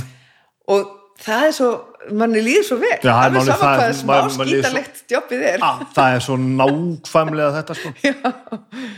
Þetta, er, þetta er ótrúlega breyting bara svona einhvern veginn að, að, að sko þegar maður fattar hvað vandamálið er að þá leysir svo margt annað að sjálfu sér sko. Mhm. þá er maður alltaf bara að byrja að elda á þess að maður hafi tekið eftir þá alltaf opnar maður einhvern skáp og tekur út rískrun og bara, hvað er ég að gera? Mm. Akkúrat. Þetta hefði ég ekki gert sko fyrir, fyrir hálf ára síðan, bara Akkúrat. aldrei sko. ég teki eftir sko ég reyndar er ennþá með dós af jackfruit í skúfunni heima í eldhúsi ég veit ekkert hvað jackfruit er og ég veit ekki Ég hvernig það bræðast eða neitt og hvernig svona dósamatur á að handirast en, en ég er búin að vera í frí núna í, í þrjá mánuði og ég er ekki ennþá búin að taka þessa dósu upp og elda úr henni mat. Já. en ég er búin að vera með þetta verkefni í gangi bara svona einra með mér að, að taka allt sem ég er búin að kaupa inn í matinn í gegnum, já síðustu kannski þrjú ár. Og, og hérna og það sem ég hef ekki ennþá eldað að elda það, að bara leggja til aðlugu við það. Og ég held að þetta jackfruit sé er svo síðasta. Já. og ég hef búin að, hef búin að vera svo umhverfislega væn og ég hef búin að gera svo mikið gagn fyrir samfélagi með því að vera í þessu verkefni. Og ég er náttúrulega búin að líka hérna, spara fullt af peningum fyrir fjölskylduna en það afla ég engar peninga í launlösu liði. Þetta er mitt svona mótframlega þetta er, þetta er magnað að sjá hvernig maður hérna, fær svona vind til að gera hluti núna þegar, þegar maður er búin að taka svona stóran tjankur lífinu. Og varst það lett á þér með því að hætta að vinna það Já. Eða, þú veist, ég var að gefa mér rými ég var að gefa mér rými til að gera alls konar hluti því ég til dæmis kláraði jógakennarinn á mér fyrra Mhm. -hmm. bara þú veist, tíu dögum áður um pappi dó og, og náði nú að segja honum það og hérna og svo dó hann og ég einhvern veginn og svo var COVID og þú veist, enginn mátti hittast og, og þú veist, samkomin takmarkanir þannig að ég fór ekki að gera neitt en núna var í, í sumar var náttúrulega búið að létta samkomin takmarkunum og þá hugsa ég, já, þetta að nýta til þess að byrja að kenna jóka að, að hérna, fara í það af því það var eitthvað svo furðuleg hugmynd að að skjótast úr vinnunni í háttegin og kenna jóka í einhverju rosa stressi í umferðinni. Þú veist, og koma svo jóka, kenna hann alveg bara hérna, sveittur eftir hérna, rauðuljósin og bara, komið sæl skulum bara slaka á. Þú veist, og vera alveg úttaugaður þannig ég sagði, nei, það virkar ekki ef ég ætla að byrja að kenna jóka, ætla ég að hafa rými til þess -hmm. og þannig að ég gaf mér það rými og það hefur verið bara mjög áhugavert að upplifa það Þú svolítið að samt að segja þess að við erum alltaf að berjast við sko, um leið og kemur eitthvað frí þá þurfum við alltaf að fylla það með einhverju öðru sko. bara já, fyrst að ég fyrst, já, já. nota tíman ég að hérna, gera þetta en samt, samt ekki að því að það er ennþá svolítið sam, samkomin takmarkanir og það er ennþá þú veist, ég er ekkit að, að ég er ekkit búin að vera að kenna neitt mikið ég, Nei, nei. veist, er alveg að passa mig að, að vera bara róleg og, og jóka gerir maður náttúrulega aðalega fyrir sig Mhm. og það er líka gaman að, að gera það með öðrum og vera í samfélagi við aðra og, og hérna, og fólk vill getna gera jóka og reynist auðveldar að gera jóka saman heldur en, heldur en flestum sko þannig að þetta hefur ekki verið neitt stress og ég, hef, ég er ennþá með rými til þess að, að finna áhugakvötina og, hérna, verið í alls konar verkefnum sem að en eins og þú tala, var- varstu sérst komin í einhvern nút varstu, varstu Nei, nei, ég var, ég var bara í hérna, ég var bara í 70% starfi hjá mm -hmm. stofnun Átna Magnússonar í Íslenskum fræðum. Og svo lauk verkefni sem var svona stórt verkefni og það var bara mjög góður tímapunktur til þess að byrja ekki á nýju verkefni. Og þú voru að vita á því bara? Ég hafði vit á því en það hjálpaði mér náttúrulega að vera í sorgaferli Þú veist, Já. þá sér maður hlutina betur mörguleiti, ég, bara, ég ætla að gefa þessu bara það sem það þarf. Ég þarf bara tíma núna til þess að sirkja og þú veist, sorgaferli er alveg mörg stíð, það er alveg fyrst kemur dofi og ég var alveg í honum. Svo kemur reyði og ég var svo sannlega í reyði og, og hérna svo kemur svona þungi. Og ég held að þungin sé að mestu að baki og ég sé að komast í sátt. Mm. og mér finnst, ég upplifi ég sé komast í sátt, ég er líka búin að upp, uppgötu þetta stóra sem ég sagði þér að, að allt fólk sem lifir og er í kringum okkur að við höfum ekki að vera með einhverju skilirði fyrir því að láta því líða eins og við elskum það. Mm ég, þú veist, þú ert frábær en já, já, hérna, við, þú mikilvægur en þú veist, þú náttúrulega eðilegur það alveg með þessu eða, eitthvað svo leiðis það var, það var stóru uppgötum fyrir mig. Því það eru sem betur fyrir langflestir af ástunum mínum á lífi og ég hef tækifæri til þess að að hérna fínpúsa þetta. Að, Þetta, þetta er nú er ég alveg sammálaður alveg þangur til að hlutinni fara bara þetta fer bara að fara að vera fyrir sko. hvað fyrir að vera fyrir? Þegar að einfaldasta leiðin fyrir mig til þess að útskýra þetta það er hljómsveit sem heitir Ljótu Hálfutandir og Ljótu Hálfutandir eru níu manns sem eru mjög ólíkir og við erum með við erum með þjóðkirkjuprest og við erum með hérna, okkur hinna sem erum alveg ekki þjóðkirkjuprestar og, og þetta er náttúrulega rosalega svona þetta er rosalegt svona skemmti og fyllir í spand sko. og allir bara fá að vera eins og þau vilja vera og það er bara frábært sko. og enginn að tróða ofan í einhvern áfengi að taka áfengi einhverjum öðrum, þetta snýst alltaf mikið um brennjúin sko. eh, frábært og gott og blessað en það hefur eins og komið upp og ágerist til langan tíma að við þurftum að setja henni við fótinn sko. að því að hegðun að, svo, svo, að því notóri hegðun, það er allir þetta eru allt saman rosalega góðir menn, það er engin að vera með illindi eða með vesen sko. en ástand skulum við segja og veikindi, getum, getum mögulega að kalla það, þó hann sé ekki sammálaði eins okkar, sko, gerði það bara verkum að þetta bara fara að trubla vinnuna bara mjög mikið, sko, mm. og þá var komin tími til að segja bara þetta gengur ekki, sko. Þú veist, við, við elskum þig alveg eins og ert en þú ert fyrir þegar þú ert svona, sko. Þetta getum við ekki gert. Já, þetta er náttúrulega vettvangi atvinnu og einhver svona, einhverja svona funksjónar sem þarf að ganga. En, en þegar þú ert bara í, í hérna, sambandi við ástvinn ég er fullorðinn og stend alveg eigin fótum og, og pappi minn er bara fullorðinn líka og á að standa eigin fótum skilur við þá, við erum ekki að vinna neitt saman það er ekkit En ég er ekkert að fá ástunum mína sko, veltandi inn blind fulla í einhvern fjölskyldudinn sko. Ég Nei. hef einhvern veginn alveg bara Nei, en það, það var náttúrulega ekki það sem var að gerast. Nei, það sem var að gerast var að hann einangraði sig frá öllum. Já, já, og við svolítið leifðum því að gerast að, eða þú veist, maður, maður er með bara krakka sem maður er að ala upp og, og hugsa um á, á, frá degi til dags og, og það sem að maður, maður, kannski, já, maður kannski svolítið bara fegin að vandamálið er fjarlægt. Einskilig, einskilig en á sama tíma er maður með stöðuðar áhyggjur og ótrúlega ráðalaus um hvernig maður á að haga sér og hvernig maður á að vera. Hvernig á maður að vera góð dóttir eða þú veist, góður fjölskyldumeðlimur í svona aðstæðum. Ég meina á meðan á þessu stóð þá vissi ég ekkert í minn haus hvernig ég átti að hafa mér. En, en það er auðvelt að vera vitur eftir á og, og eftir á sé ég að að það sem að hann hefði þurft að finna var að við bara við bara elskuðum hann skilur þó hann væri með sjúkdóm og þó hann fungir það ekki í samfélaginu og, og allt. Að bara við elskuðum hann skilurist löst og við værum ekki að gera hann kröfur af því við erum að tala hérna um hvað er frábært að fara að elda matinn ef enginn er að gera þessar kröfur Já, akkurat, þú virkilega veist, Já, já, já. Ég hérna eh, já, mér finnst þetta mjög stór mjög stór leksja og nú er maður einhvern veginn í þeirra aðstöðu að, að reyna að nota þessa leksju við þá sem að eru ennþá í fjölskyldinu manns og eru ennþá ástinni manns og maður er ennþá í samskiptum við. Og, og hérna og, og það hafi þá verið til einhvers allt þetta sem að var að skoða í kringum þessi miklu veikindi pappa Já Hjá okkur virka þetta bara þannig að hann laga þetta bara Já, en eins og við erum að tala um, það er hægt. Það er hægt, sko. En, en enginn gerir betur eða, eða verri en, en hann getur. Nei, það er allir að gera sitt besta. Það, Það eru allir að gera sitt besta. Og, og sumir bara get ekki betur Það er í þessu jarlífi. En svo fáum við að minni trú tækifæri aftur í öðrum líkamum til að halda áfram að vinna okkur út úr hlutum. Það? Ég held við endur haldum. Í alvöru? Já, Það er magnað já, ég er bara verð að trúa því. af, af hverju trúir því?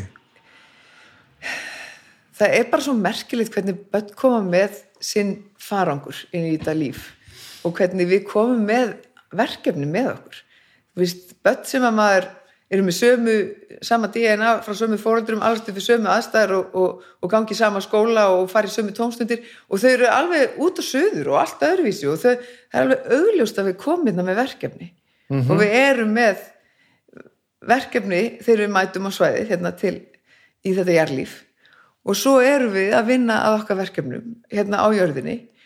Og, og svo eh, hérna náum við einhverjum árangri og svo deyjum við og svo endur holgust við og komum þá með verkefnið eitthvað örlítið þróara áfram. Sama verkefni þú, Já, ég meina að við erum kannski bara öll með sama verkefni sem er að, að lifa í kærleika mm og, og ná að e, auka á afl kærleikans í heiminum. Kannski er það bara stóra verkefni allra en, en það hefur alls konar byrtingamyndir. heldur þetta að hafa einhvern upp á einhvern endi þú veist, byrjuðu við einhver staðar og endur við þá einhver staðar eða skiptir það kannski einhver máli? Ég, þetta byrja einhver staðar. Og þar á leiðandi hlýtur þetta enda einhver staðar. En minn þetta- manns heili segir mig það allavega. Þetta eru samt stærðir sem að eiginlega hugsun okkar ræður ekki við. Nei. þetta eru þetta er hérna upphafa alheimsins og endalók alheimsins. Við erum að tala um það núna. Þú ert alveg búin að missa mig sko. Ég, þannig er ég bara ég veit að, ég get eiginlega ekki haldið áfram með þetta efni heldur. Ég, ég er svo fullkomlega hinum einn sko, ég er bara, nei, þetta er allt saman einhver einstór tilvíðun og það er engin tilgangur með neinu eða, sko. hold er mold, já, basically sko. Það er bara allt í fína. Það er yfirþyrmandi sko, Mm, oft en ég, ég er bara frekar sáttu við það sko. Já það er frábært. En mér finnst eins og það mjög gaman að að, að, að velta upp öðrum öðrum, öðrum möguleikum sko. En ég kemst aldrei að skynsemminn í mér tekur alltaf yfir og bara já, mér finnst þetta bara svo hrópandi augljóst þegar maður horfir á börnin sín. Þetta eru góð rauk sko, ég skal alveg kaupa það. Það, það er magnað að sjá til þess bara tvíbur að hlifi hlið sem að þekki mjög vel og bara þið eruð ekkert eins og þið hafi gert. Hafi með sér að fara í sumu fötin frá þið fættust sko, Já. fengið að sama borða sama fólkið, gert alltaf sama og þið eru alveg út og suður sko. Akkurat. Það er skýring. Það er einhver orka í fólki og maður, maður skinnir þessu orku. Þetta er ekki eitthvað sem maður getur mælt, þú veist, með einhverju mælitækjum og hérna, skrifa einhverju skýslur um. Bara, já, orkan í snæpinni er svona og svona og líst henni eitthvað nákvæmlega. En, en kannski komist einhvern tíðan þangað að, að geta útlistað orkuna betur og, og átta okkur á því hvernig orkan í fólki er. -hmm. og þú getur bara fundið þegar þú kemur inn í herbyggi og það er einhver orka í herbygginu þú, veist, þú getur fundið að það er vond, vond andrúnsloft einhvers staðar, þó að það sé bara góð lykt og allt bjart og þú veist en þú getur fundið þetta, þetta, á þetta bara- er ógeðslega merkilegt. Það er það, já. Ha, þannig að þetta er líka púsl í þessa trú mína að, að hérna, við erum að, þetta er meira en við sjáum og það er meira en við gerum okkur grein fyrir. Og við erum að vinna að verkefnum sem að við kannski höfum ekki fullan skilning á núna en það er mjög þægilegt að, að bara reyna að bæta við þið góða og minka þið vonda í heiminum. Það er ágætisverkefni, Það er- við skiljum það. Þar eru við alveg sammála, alveg 100% sko. Hefur þetta alltaf fyllt þér eða? Hugsaður svona þegar þú varst ung? Ung, yngri Sko, nei, ég var náttúrulega, þú veist, ég var svo heppin þegar ég var unga, ég fekk tvísarsunum ofsakviðakast, Eh, bara þegar ég var svona 10-11. Annars vegar ofsakviðakast um að foreldra mínir myndu skilja og bara fekk þetta svona yfir þínmönda tilfinninguna og það, þá var náttúrulega, voru skilnar ekki Nei. jafn algengir og þeir eru í dag. Og voru þetta- rosa stórt Já, þetta var rosalega stórt og þú veist, mikil úlfúð, lítil hjálp fyrir þá sem voru að skilja og, og gatt orðið mjög ljótt. Það voru þessar tveir skilnaðir í kringum mig í stórfjölskyldinni og einhvern veginn bara smitast maður af þessar hugmynd og hugsa bara, já, foreldrar mínu munu skilja þetta verður hræðilegt, hræðilegt, hræðilegt og, og ég var bara í ofsakvíða. Og hvað gæti ég gert? Ekki fara að tala um þetta við mömmu og pappa. Jú, ég, ég opnaði eitthvað á þetta og þau bara, nei, nei, hvað er þetta? Þannig ekki mikið hægt að fá aðstóð þar. Þannig að ég fór í kirkju Já, og ég bara lappa út í kirkju á sunnudegi og, og það var mjög merkilegt. Ein En- bara? Ein. Ég held samt að það sé ekki mjög merkilegt það sem gerðist. En, en að, mér fannst eins og presturinn sem var að tala væri bara að tala við mig um mitt mál og minn kvíða. -hmm. Mhm. Og hann bara beinti orðin sinni beint til mín. Ég man ekkit hvað hann sagði. En ég upplýði þetta svona. það er náttúrulega 40 ár síðan og, og hann náði einhvern veginn bara að tala mig tilbaka þannig að ég var bara róleg aftur. Og og, og bara gæti af, haldi áfram að vera saklust barn sem leik sér og hjólaði um hverfið alveg kvíðalaust. Og svo leik kannski eitt, eitt og hálft ára eitthvað leis og þá kom öruglega einhver svona svakaleg umræða um krabbamein í samfélagið og maður, þú veist, ég var náttúrulega að bera út blöðin þannig að ég sá alltaf hvað var í blöðunum og var að selja blöðin í bæ og svona þannig að maður var alltaf handfjallandi í blöðin og kíkjandi í blöðin. Og, og ég fekk aftur svona ofsakveðakast um að ég væri með krabba minn og ég myndi deg úr því. Og hérna og þá böðst mér að fara með fjölskyldu vinkunum minnar í kirkju á sunnundegi og sem ég þáði. Og þá gerist þetta aftur og ég er alls ekki að segja að presturinn hafi verið að tala um krabbamenn eða skilnaði í sinni predikun. En, en ég er að segja að það er einhverjum svona kanalar í, eru svona kanalar sem að maður hérna, tjúnar inn á. Já, ég, veit ekki hvort þú skilur hvað ég er að meina. Það er eins og ég hef bara verið bara opin og móttækileg fyrir uh, hjálpinni. Já. og hvaðan kom hún þá? ekki frá þessum viðkomandi presti sem ég man ekki eins og hver var. Þú veist, það, hún kemur úr einhverju visku alheimsins. Og ég var með opið fyrir hana til að fá hjálp. Að þetta er rosalega sterk reynsla frá æskuárum mínum. Og svo gerist þetta aftur bara þegar ég er þrítug eða eitthvað sliðis og er að vinna í sjónvarpinu.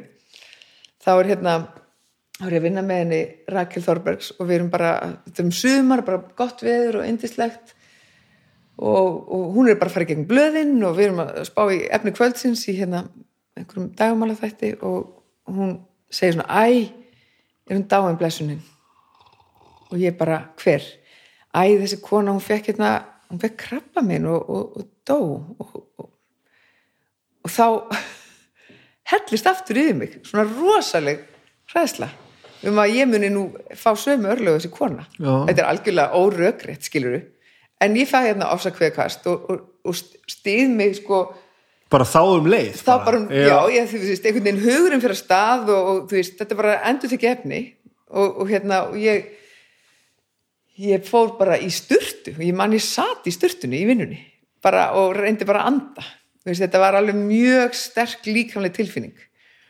Og þá fór ég mitt til sálfræðings og og hann, hann gætt hérna, kent mér aðferð til þess að eiga við þetta og hún var, ég ætla ekki að fara út í hana það er best að sálfræðingin að sjá um það. En hún virkaði fyrir mig Mhm. og síðan hefur þetta ekki komið. Síðan hef ég ekki fengið ofsakvíða en þegar ég er ung þá fæ ég aðstóð ég myndi segja frá aðri mætti. Ég myndi segja það. Og þegar ég er fullorðin þá fæ ég aðstóð frá fagmanni. Og hvort ekki virkaði gott að allar með sér lið Já, en það, þú veist, þetta segir manni bara um gildi aðstóðar já hvað aðstóð er stórkostleg. Og, og bara að leita sér aðstóðar og fá aðstóð þykja aðstóð, vera móttækjuleg fyrir aðstóð þetta er alveg bara líkil atrið já, alveg þúsund prósent sko. Já. og líka velta ekkert endilega ég er ekki að segja að vera frá gaggrinslaustin í allar aðstæður en ekki alltaf vera að velta því fyrir sig hvaðan gott kemur sko. Akkurat, bara leifum okkur þá bara að vera ósamála en tökum allavega aðstóðin sem, sem kemur af því að hún er af góðum ásetningi sko. akkurat það er bara, og virkar, já þegar Mm. maður er að slaka aðeins á hrókanum og, og, og, já og fordómanum sko. hrókin er mitt hann er sterkur það er ekkert erfitt að vera honum að bráð sko. nei, það er svo augljóst hérna út á golfvelli mitt þegar maður fyrir golf og er kannski nýbúin að lækka eitthvað í forgjöf og er búin að eiga góðan ring og veist, þá, þá mætir maður stundum svo rókafullur á teik og hvað gerist?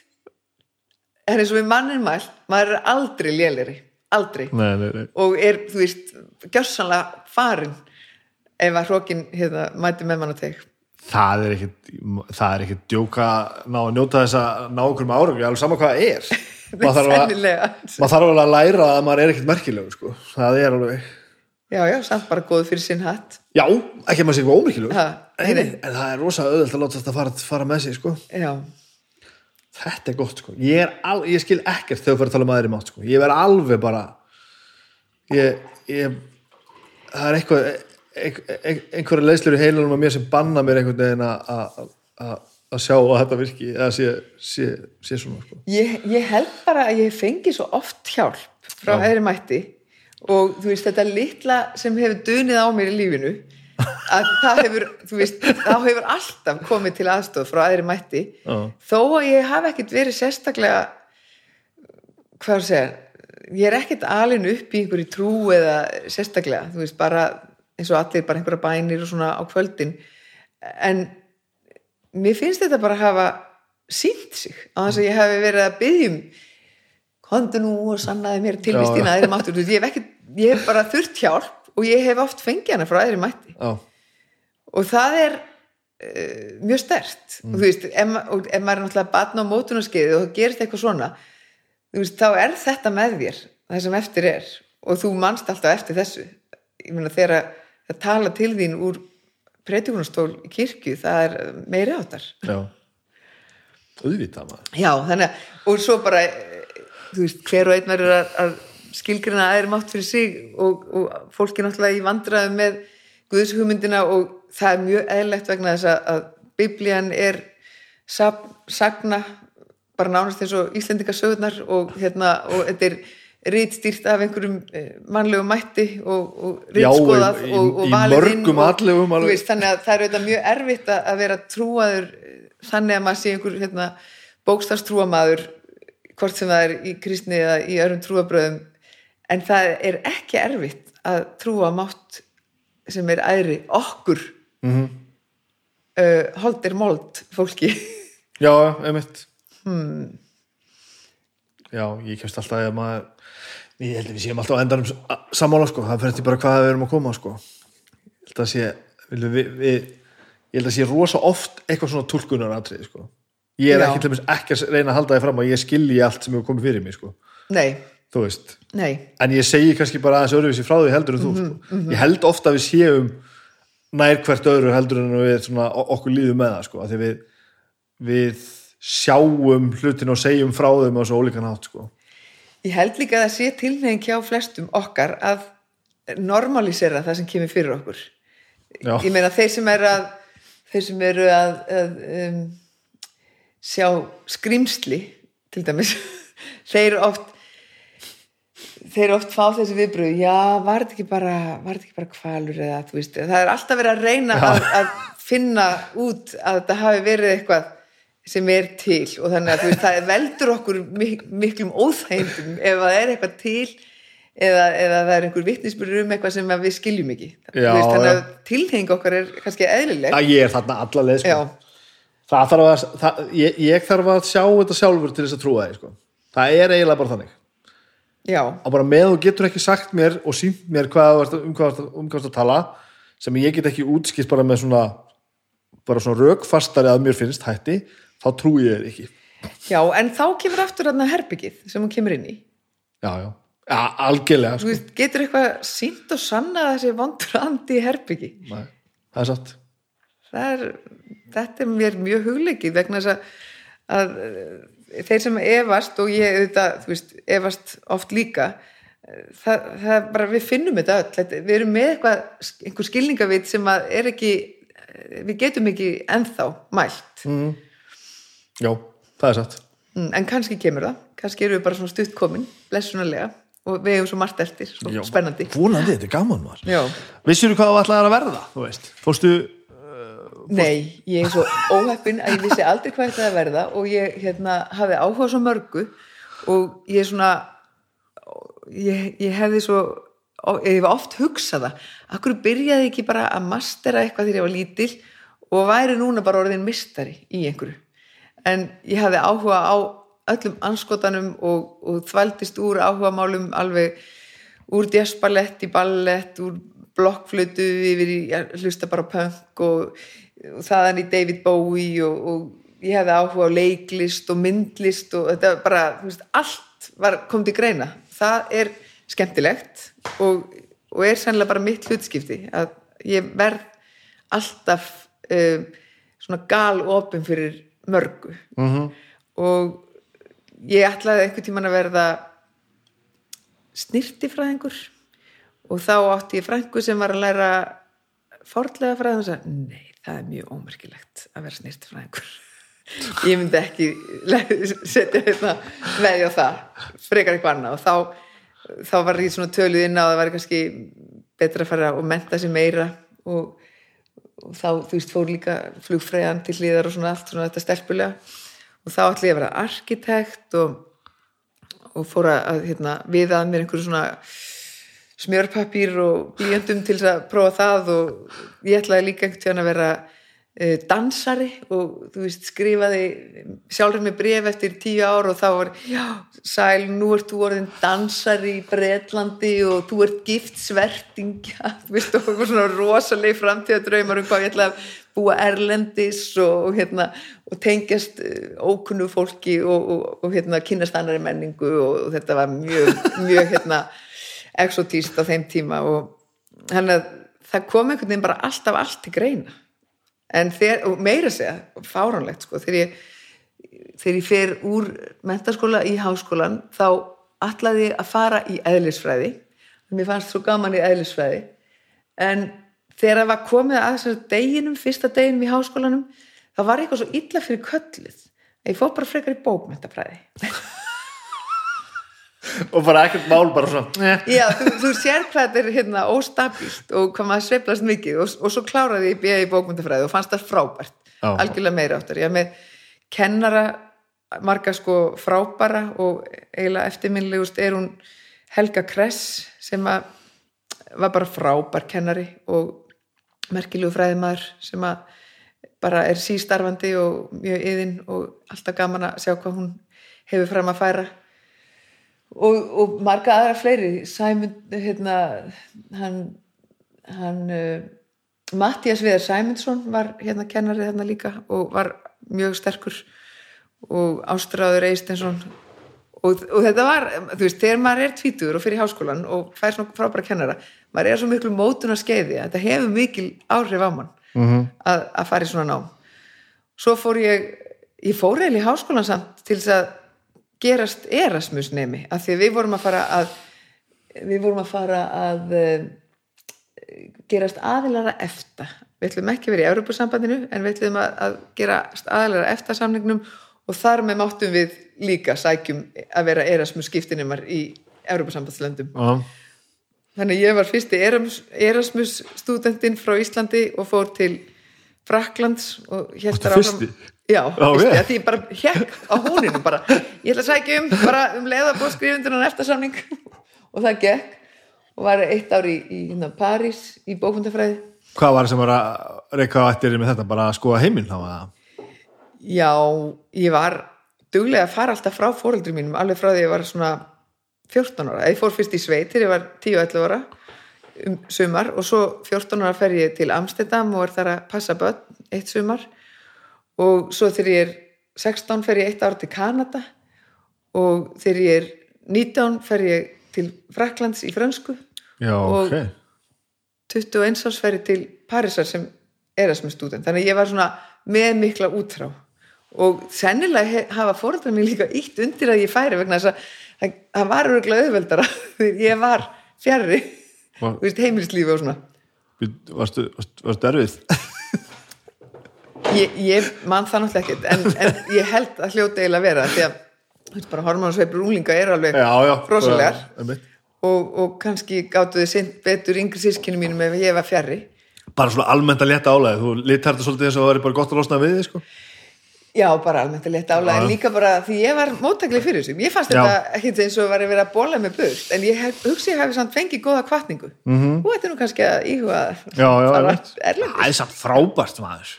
Já, já, Að hafa það í sér að þú veist að íta börnunum sínum frá sér í að gera eitthvað, eitthvað já, upplifu eitthvað. ég er bara strax á erut með að þú veist eins og börnum mín fara náttúrulega töður á mig sko, þá er samt um leið og ég, þau eru ykkur stara sem ég veit ekki alveg hvað er að gerast þá er ég bara, "Ah." Já, ég held samt að eh, ég hef haft feikilega gott að þessu. Að Og sískinni mín og foreldra líka. Já. Og ég, ég veit, ég hef ekkert gert með þetta svona praktíst eða, eða, eða svona áþreifanlegt.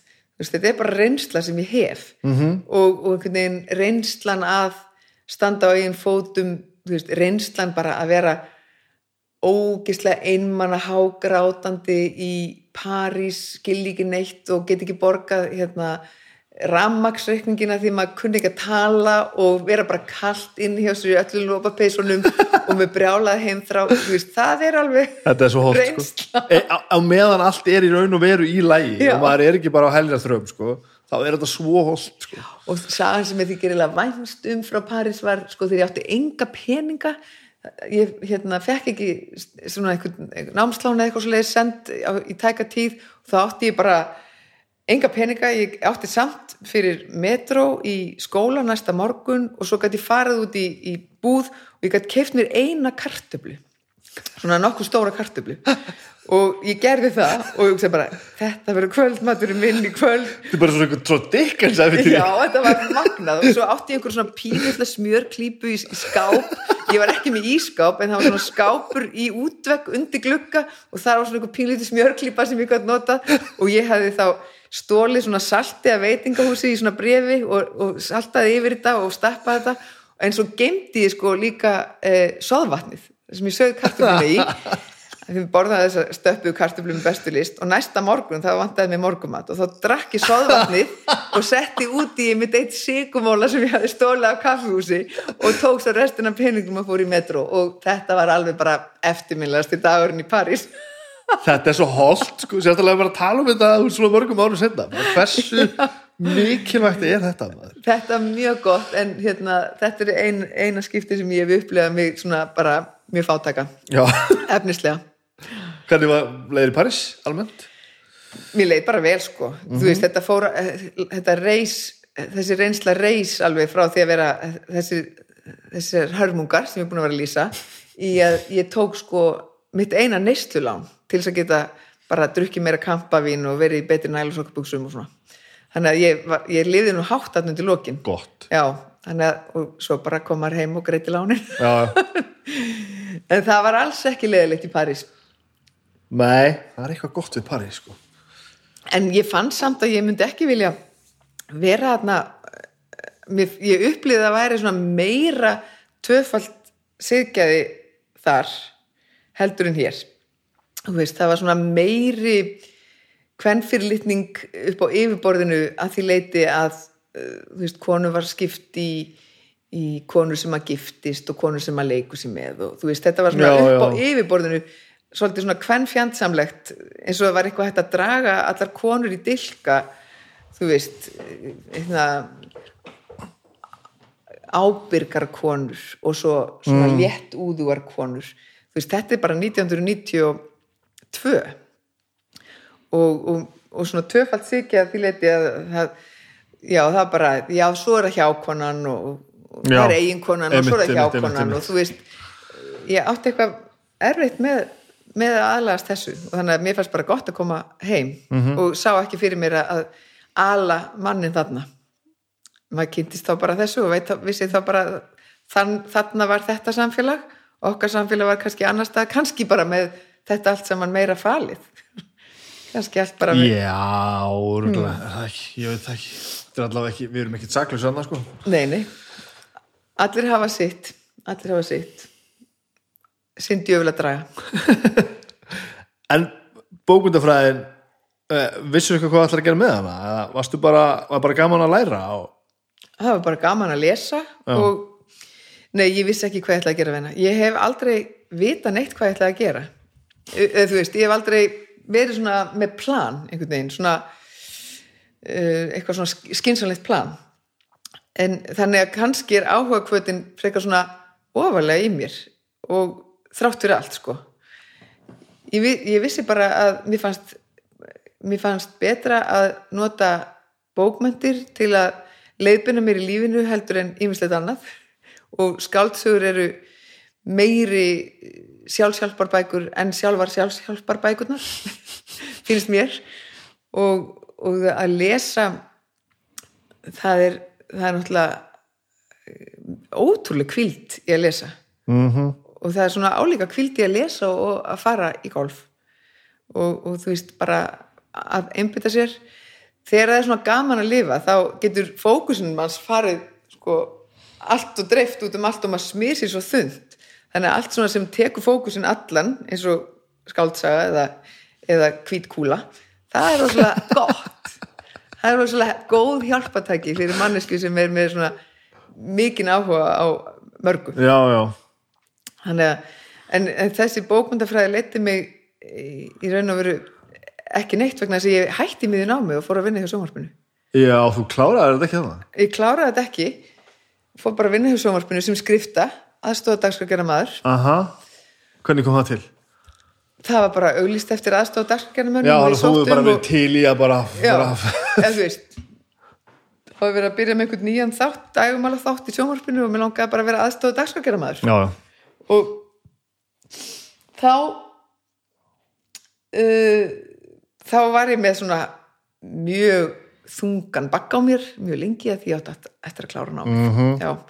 Og margir hvöttum við bara til að gleyma þessu þetta væri alls ekki nöðsilegt alls ekki nöðsilegt að klára námið en þarna kemur hérna samvisku sem einhvern veginn, ef maður byrjar á einhverju þá bara klára maður Já. og bara leiðileg bók, þú veist, maður byrjar á leiðilegri bók og er bara þrjú ár með hana en maður klárar hana maður gerir það Þú fer ekki út í, le í hlið í leikhúsi Nei, ég hef aldrei gert það. Nei, ég, ég er á samastað sko. ég er rosalega erfitt með að klára ekki sko. og það Já. getur alveg sett í mér alveg oft sko. Af hverju ert að lesa þetta djöfusins drast sko. Get ekki hægt sko. Er það ekki hérna að maður, maður þarf að gera meir en gott þykir stundum, af því að maður veit aldrei hvaðan þetta góða kemur eða þetta sem að gefur mann eitthvað kemur veist, gefum því séns, það getur komið ég held að þetta sé ekki svona göfugt hjá mér sko. Nei. mér finnst alltaf bara svona eins og bara púra samvisku sem ég samt, samt er ég ekki samvisku. Nei. ég get til dæmis ekki spila tölvuleiki við spila alveg slatt á tölvuleikim sko. það tekur mig yfirleitt alltaf svona tvöfalt langan tíma að klára leikina því ég þarf að gera allt, allt ég þarf að fara í öll skot og skoða allt og íta á alla takka, opna alla kistur gera allt Þetta er samvisku sem ég er þetta það? þetta er einhver svona, einhver er svona gaman það er líka stundum gaman, stundum er þetta bara ekkert gaman sko. Já. og einhvern veginn, ég þarf alltaf að gera allt þetta er ekki alltaf gott sko. Það er ekki alltaf gott, Nei. stundum þarf maður ekkert að gera allt Nei, nei, auðvitað ekki og hérna, ég meina, hvernig ertu með krosskátur? Ég er bara á mjög erfitt með að skilja við krosskátur og klára þar bara, en þess ég vegna hugsa að ef ég myndi gera það þá yrði ég að klára það já, sko. ég, en þess vegna kannski líka íti maður sömu svona frá sér ég meina, ég til Já. þess íti tölvuleikjum frá mér til þess að, þú veist, Já, þurfa ekki já, að gangi gegnum þetta, þetta helsi sem að, þetta hel, held tekum mann ég held að ég íti skáldsögum frá mig sko. ég, Já. ég les ekki mikið skáldsögum passaði það, ég er er stórhættulegt en ég er þetta færi þetta ekkert mikið út úr? Færði ekki mikið út í því? út að lesa skáld, skáldsögur? Nei, ég hætti að lesa bækur eiginlega bara alveg þegar ég var úlingur og mér finnst það mjög leðilegt að því mér finnst gaman að lesa einhvern veginn. Já, og ég reyndi alltaf aftur og aftur bara að lesa Arnald og eitthvað Já. svona eins og allir eru að Já. gera og ég bara já, og ég bara þú veist fann þetta ekki sko.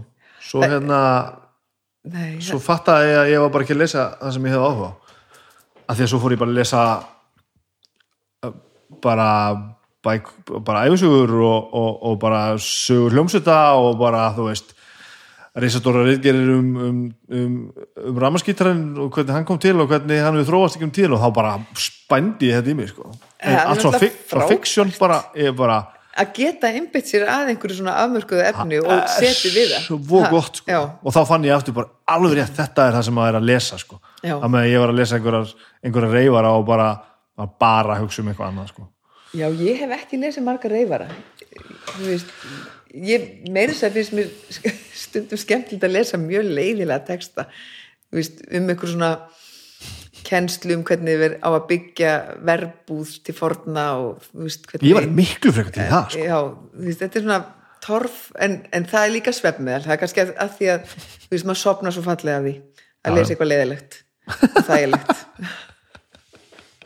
ég sopna alltaf, alveg saman hvað er að gera. Já, það, en, en núna þegar ég er svona fullorinn þá stundum bara get ég ekki sofið nema ég lesi eitthvað leðilegt, það er besta svefnmeðlið og þú veist, á nóttinu vakna ég bara og held ég sér bara út sofin, en þá er klukka kannski bara tvö. Og þá bara en ertu þá útsofin? nei, nei, nei, nei, nei, alls ekki. Nei. þú veist, þá þarf ég að fá eitthvað svona mátulega leðilegt og þá sofna ég eftir en þetta er fólki með alls konar aðferði til þess að glíma við þetta já, hvernig kláraði skólan?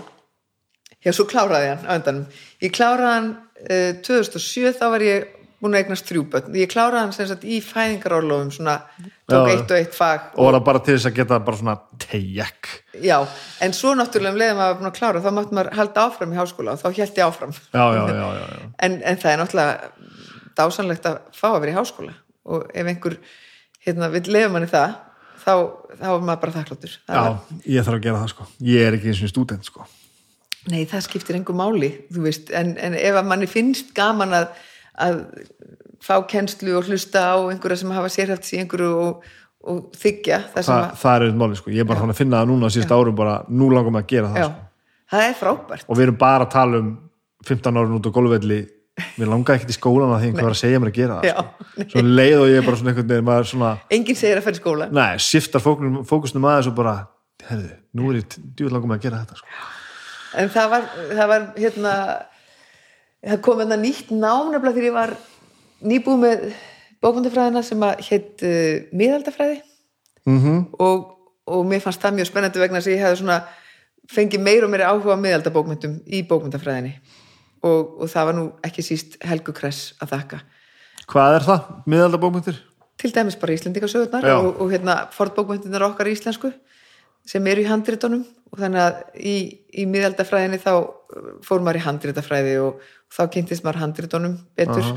og hvað þau eru margvísleg miklu meira heldur en Íslendingasögur já, alls konar textar sem að og bara margir hafa eh, margir textar hafa bara leið óskoðaðir lengi þannig að það þarf fleiri hendur til þess að ah, nú varst alveg að sko. Skoða textann okkar. þarna var ég alveg, þarna var ég frábær sko. já, þannig að velkomin bara Ah. og, og meira segja svo áhugavert að Íslendingar er ekkit svo brjálæri að fara í þetta nám meðaldafræðina en, en útlendingar flikkjast til Íslands leggja það á sig að læra íslensku til þess að geta skoðað þessa texta á Ó. forn íslensku maður sér aldrei hvað var á sjálfu merkilega hluti sko. Nei, því miður. Þá hérna en ef maður fær góðan kennara sem getur bent manni á þá hérna þá getur maður opnað augun og, og já, ég, gerði það, en síðan hef ég verið að vinna hjá átnastofnun og hef eiginlega ekki snert neitt á fræðunum heldur bara unnið á stjórnsýslusviði að því að miðla. Já, já, og, og hérna og það er svona tóast aðeins á í manni já, langar mann kannski ekki að fara aftur aðeins í að skoða bara textana og, og vinna með þá frekar heldur en að, eða minnst okkursti skoða það fyrst og miðla svo áður en maður hérna, heldur áfram að bara miðla og miðla og miðla er þetta endurst af verkefnum? Er þetta Já. sko, já, þetta er mjög mikið verkefnum, það er mjög mikið sem þarf að skoða og rannsaka og, og svo miðla því það er einar skildum átnastofnunar að miðla líka því sem Já. að rannsaka er, þetta á ekki alltaf að vera eh, rannsakað bara fyrir rannsakendurna heldur, nei, nei. fyrir alla. Já, já, en svo er eitt í sambandi við þess að gömlu texta og þeir eru líka púsl í þetta með sálina. Að því að nú er til þetta orð sál, og það er bara eldgamalt orð og mikið notað bara í öllum málum, alltaf. Og, og maður eins og þú ég meina hvað finnst þér sál vera? Er það eitthvað fyrir yfir höfuð? nei Nei, en samt er þetta orð til og búið að vera til svo rosalega lengi í öllum tungumálum og, og mikið búið að skrifa um mannssálina og, og það er mér sér til heil fræðigrein sem heitir sálfræði -hmm. og, og þú ert hjá sálfræðingi -hmm. og hérna, þetta er ó, ótrúlega merkilegt í mitt að að nota þess að gömlu texta til þess að sjá tengsl manna við þetta fyrirbæri sem að engin veit alveg hvað er. Og, og í nútímanum er rosalega lítið rými fyrir sálina nema helst hjá sálfræðingum. Fyrir mér er þetta bara gömul útskýringa og einhverju sem við skildum ekki þá sko. Og þó við notum orðið en þá, þá fyrir mér eins og sálfræðingur, sálgreinir er einhvern sem að skilu bara hvernig við fungerum sko. Bæði með sjálfum okkur og út af við öðrum og aðstæðum sko það er svona þann- þannig sem ég sé þetta sko Já, af því það er svo margt sem við náttúrulega augljóslega getum ekki hafa skilið á sín tíma sko já, eða margt sem við skildum betur á sín tíma, mögulega kannski erum við að fjarlægast suma hluti um leið að við erum að nálgast aðra uh -huh. þannig að kannski Mögulega. erum við að fjarlægast sálina um leið að við erum að verða betri í vísindum uh, og, og tækni Já. Veist, kannski er þetta nöðsynlegt að fjarlægast bara eins og það er nöðsynlegt fyrir unglinga að fjarlægast foreldra sína á meðan það eru, eru að, fá betra hérna, sjálfstæði Já. Ertu, ertu að segja það í þessum, þessum fornu skrifum sem ekki tala um þetta? Svona, ég er að segja það er allan að mjög mikilvægar heimildir já, um þetta fyrirbæri sem sálin er Áhugavert. í þessum fornum skrifum og ekki bara, þú veist, okkar heldur bara í, í fornum bókmyndum og, og textar, bókmyndatekstar segja okkur ótrúlega mikið um sálina en þeir eru þetta ekki endilega vísinda, það getur líka bara verið fagubókmyndir en það er svona hugmyndir um mannssálina eru bara til á öllum tímum og, og í ýmsum textum og það er rosalega spennandi að sjá hvað fólk er að skrifa og, og upplifa í tengslum við þetta. -hmm. Þetta er mik miklu leyndardómar þarna sem að, já, svo margt sem að alltaf svo svo margt sem er svo óskilinlegt og svo gallað og, og einhvern veginn maður verður að fá að útskýra einhvern veginn, sko. Það er svo, þú veist akkur er þetta all, alltaf svona flóki við erum alltaf í einhverjum flækjum með þetta allt saman já, við, við erum alltaf komin út, út að hálan ís af því að, þú veist, okkur brestur skilning en, en svo bara það, það eiga eftir að koma fram upplýsingar sem við þurfum bara að býða eftir hver sem kemur með þær fram um þessi mál. Og heldur að það sé þú veist, í náinni framtíða Ég heldur síðan komin á einhvers konar lágpunkt í, í um, veröldinni, að við séum komin á einhvers konar lágpunkt sem byrtist til dæmis í valdatíma manna eins og Donald Trump og í uh, þessari þessu mikla uppgjöri við ofbeldi og í já, þessari orðræði sem við töluðum um, um í byrjun á hérna, komandakerfunum þar sem að er mikil úlfúð og illindi og sem að byrtist í já, uppgjöri við ofbeldi og, og svona ymsum hlutum sem er að koma upp núna.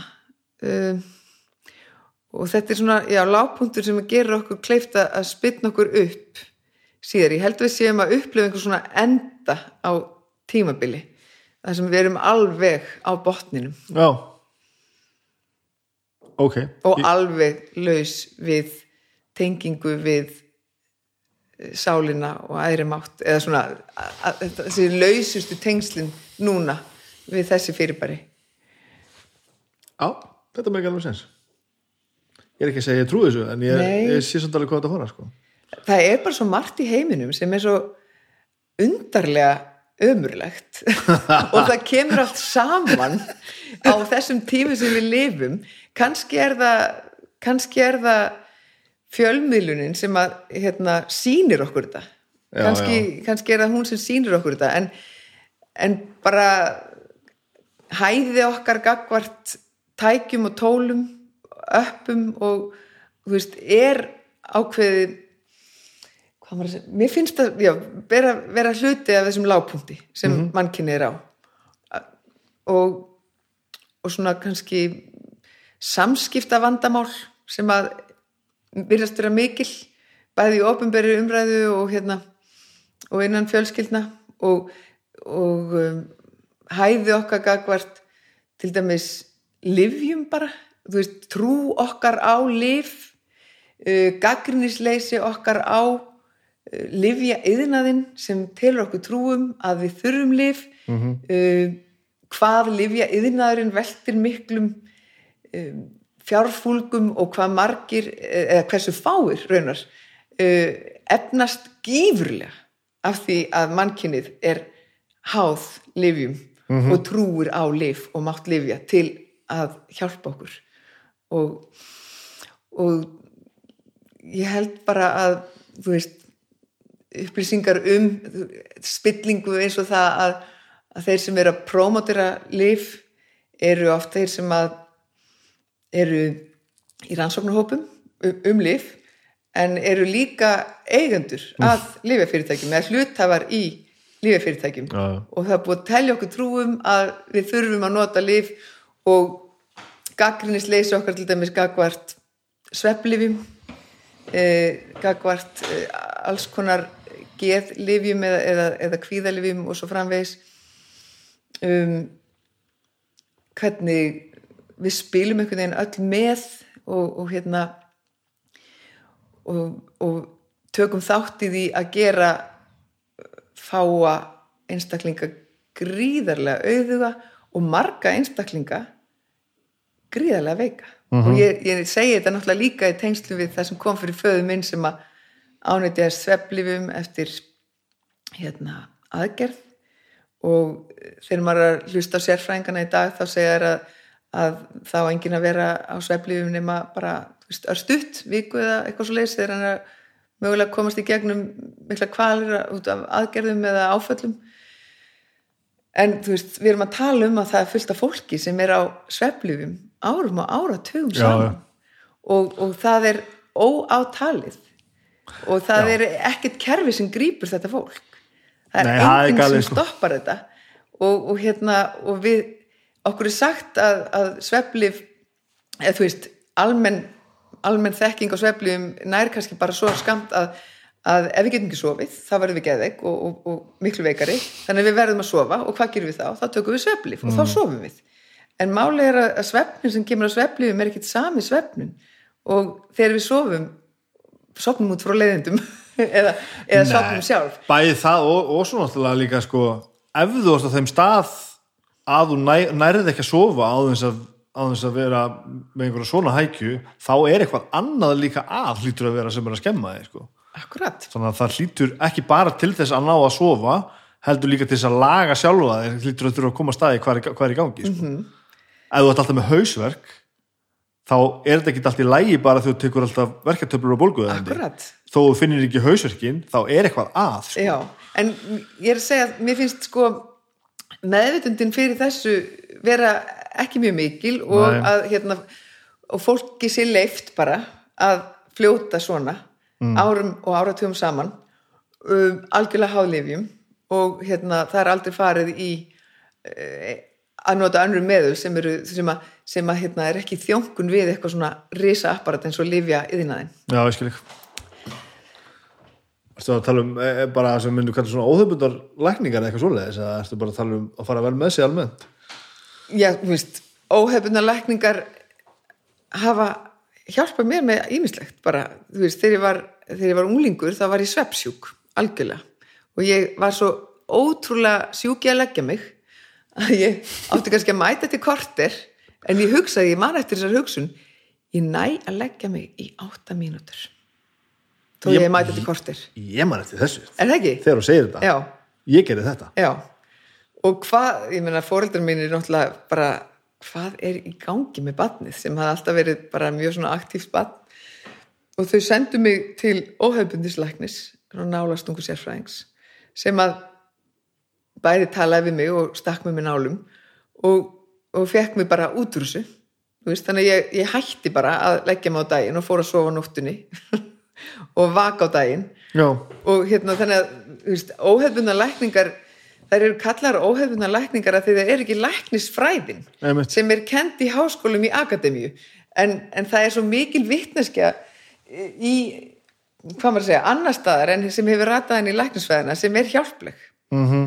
Og, og læknisfræðin er líka svo tengt lifjaðin en liflækningar er svo Já, já, stór algjörlega. hluti af lækningum og, og, og þegar maður pælir líka í eh, hvað læra læknar um uh, næringafræði og mataræði og, og lækningamátt matarins þá er það bara sára lítið og þetta er bara einhver annar heimur sem kemur læknisfræðin ekki við Nei. þó að við vitum öll hversu gríðarlega hjálplegt það er að, að neyta hollra fæðu og hvað hérna, matur getur í raun og veru haft mikil áhrif á okkur. Ég, er, Þetta er, er þetta ekki eitthvað aðeins að breytast? Nú veit ég bara eigin neyslu, ég fór til læknis fyrir sko hálf árið eitthvað. Ég er datt af hjóli þegar ég var, var lindfuturleginni heim þegar ég bjóði í köpen að hérna stegi keðuna hjólinu mínu og setti mig alveg á kvolf og brauta mig viðbennið og brákaði með herðablaðið og eitthvað. Var mjög flottur sko. Átti þetta alveg inni hjá sjálfum mér að gera þetta og bara á spítala og eitthvað. Og síðan þá er ég alltaf svona vinstra megin svona pínubeglaður.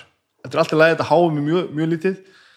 Uh, einstaka sinnum fæ ég svona verk sem leiður svona niður handlegin og svona aðeins niður í brjóstið og ég veit alveg að þetta eru hérna þetta er eftir þetta stöð. Þetta er samt svona pínu bara ef þetta er ekki þetta þá er þetta hjertáfall sko. eða þú veist, ég er ekki mjög paranoid maður ég er svona þú veist, kannski alltaf að vera bara viss um þetta sko. þannig ég fór bara til læknis og spurði út í þetta og hún var alveg glæsileg og skoði hitt og þetta og tók einhverja blóðpuru og hitt og þetta og græ- græjaði og gerði og bara þetta er bara fínt og var búin að mæla hérna í kömur og svo var eitthvað hérna, kemur bara allt vel út úr blóðpröfunum mögulegt hérna eitthvað, þú veist, góða kólestróli eða eitthvað að breytast, ég man ekki nákvæmlega hvað það var ég er ekki, ég hugsa ekki mikið um svona og hérna og, og það sem hún gerði þá var bara, má ekki bara bjóður að koma hérna eftir og bara var hérna heilsugjörslinu á nesinu og tala hérna við þessa hérna uh, konu um næringafræði sko. Og ég bara, jú, það er geðveikt þetta grínast og það var það sem mér var bara að læknis að það er búið að koma aftur og, og það var bara, þú veist borðaði meira þessu og minna þessu veist frábært Já, basic og fórst eftir þessu Nei Stuttasvarið nei, langasvarið er aðeins lengra Já. sko. eh, ég, ég held ég á að maður taki, ég hef tekið með þessu sko. ég breytti engu drastísku ég er alltaf að fá þetta, ég hef aldrei til að breyta neinu fyrir ég er alveg að dreipast sko. Ég, ég er mjög lí, líf mitt er svolítið markað því að það er aldrei neitt að mér sko. það er skelfilegt. Mhm. ég bara finn ég vil ekki til neins þar og ég sef alltaf. Ég er Já, bara fín sko. Og svo allt í hennu bara er ég ennþá fín og bara kem, kem allt í hennu á einhverju vegg og bara ég er ennþá fín og svo bara, það er ekkert fín sko. það er bara, það er eitthvað ekki lægi þetta, sko.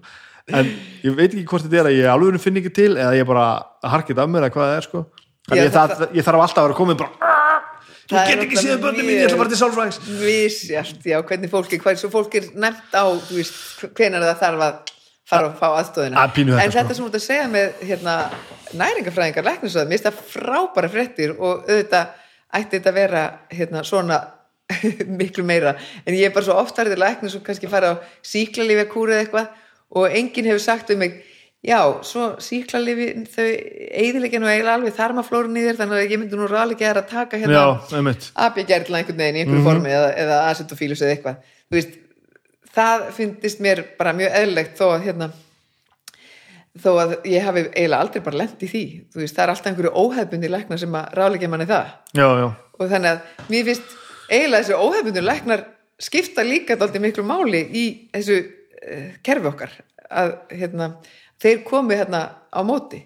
Núna til dæmis, núna til dæmis er ég alveg að drepast í hérna iljónum þegar ég fyrir fram úr á mótnana. Og þú veist, þetta eru kannski bara einhverja elli krankleikar og eitthvað svona. En ég pantaði mér ekki tíma hjá, hjá ellilækni eða neitt svoleiðis heldur ákvað ég að panta mér tíma hjá grasalækni. Þú veist þannig að ég hef þennan kost oft opinn fyrst áður en ég fer og, og fer inn í sko kerfið. Já, og hérna en þetta mætti getna vera í kerfinu sko mín vegna því að þetta kostar náttúrulega líka og, og mætti getna vera tekið með í reikningin en það er það ekki og ég man einu sinni ætlaði ég að spurja heilbriðisráð þeirra út í hvers vegna það væri ekki inn í hérna heilbriðiskerfinu, óhefnarlækningar og það bara, það mátti ekki spurja því. Hvar, ætlaður að spyrja því? Ég, bara, ég var í útvarpinu já, bara, þú bara, vin, þú bara í vinnunni? Já, bara, nei, bara ekki þetta. Bara ekki opna þetta. Þú veist, þetta var bara algjört nónú, það er náttúrulega mikið breyst síðan þá þetta Já. var sko síðustu öld en, já, já, en þetta er samtal sem var gott að hérna, heyra meira af eða þú veist, það færi fram á milli kerfa ég verð um, ég verð alveg mannígur þegar að vera að tala um hluti sem að er vitað eru kjaftaði sko. já, eins og hvað eins og smáskamtalækningar sko. þá verð ég bara reyður sko. því það er bara búið að þar er bara búið að sína fram á þetta, þetta hér virkar ekki sko. það getur vel verið að þú veist við getum svo fyrir að tala um hérna, hérna kraft manns heilans og að þú trúir virkilega á eitthvað og placebo og það allt saman sko. fínt sko. en þarna dreigi ég alveg, þarna dreigi ég línuna þarna segi ég bara nei, nei, nei, nei, nei og nei, nei, nei ég veit, veit ekkert mikið um nálastungur og ég er ekki vel að mér grasalækninga fyrir mér, þú veist, þá ertu náttúrulega bara vantalega að fara út og taka einhver efni í gegnum einhver gröss já, þú, þú ert að fara 300 ára aftur, í tíma Já, bara og ég skil bara vel að það sé eitthvað þar en, en þegar það er bara að vera að tala um eitthvað sem að sko, er, er hreinlega búið að afsanna sko, þá þá- þá ertu bara að íta fólki í áttir sem að virka ekki sko. og það er svolítið harkalegt sko.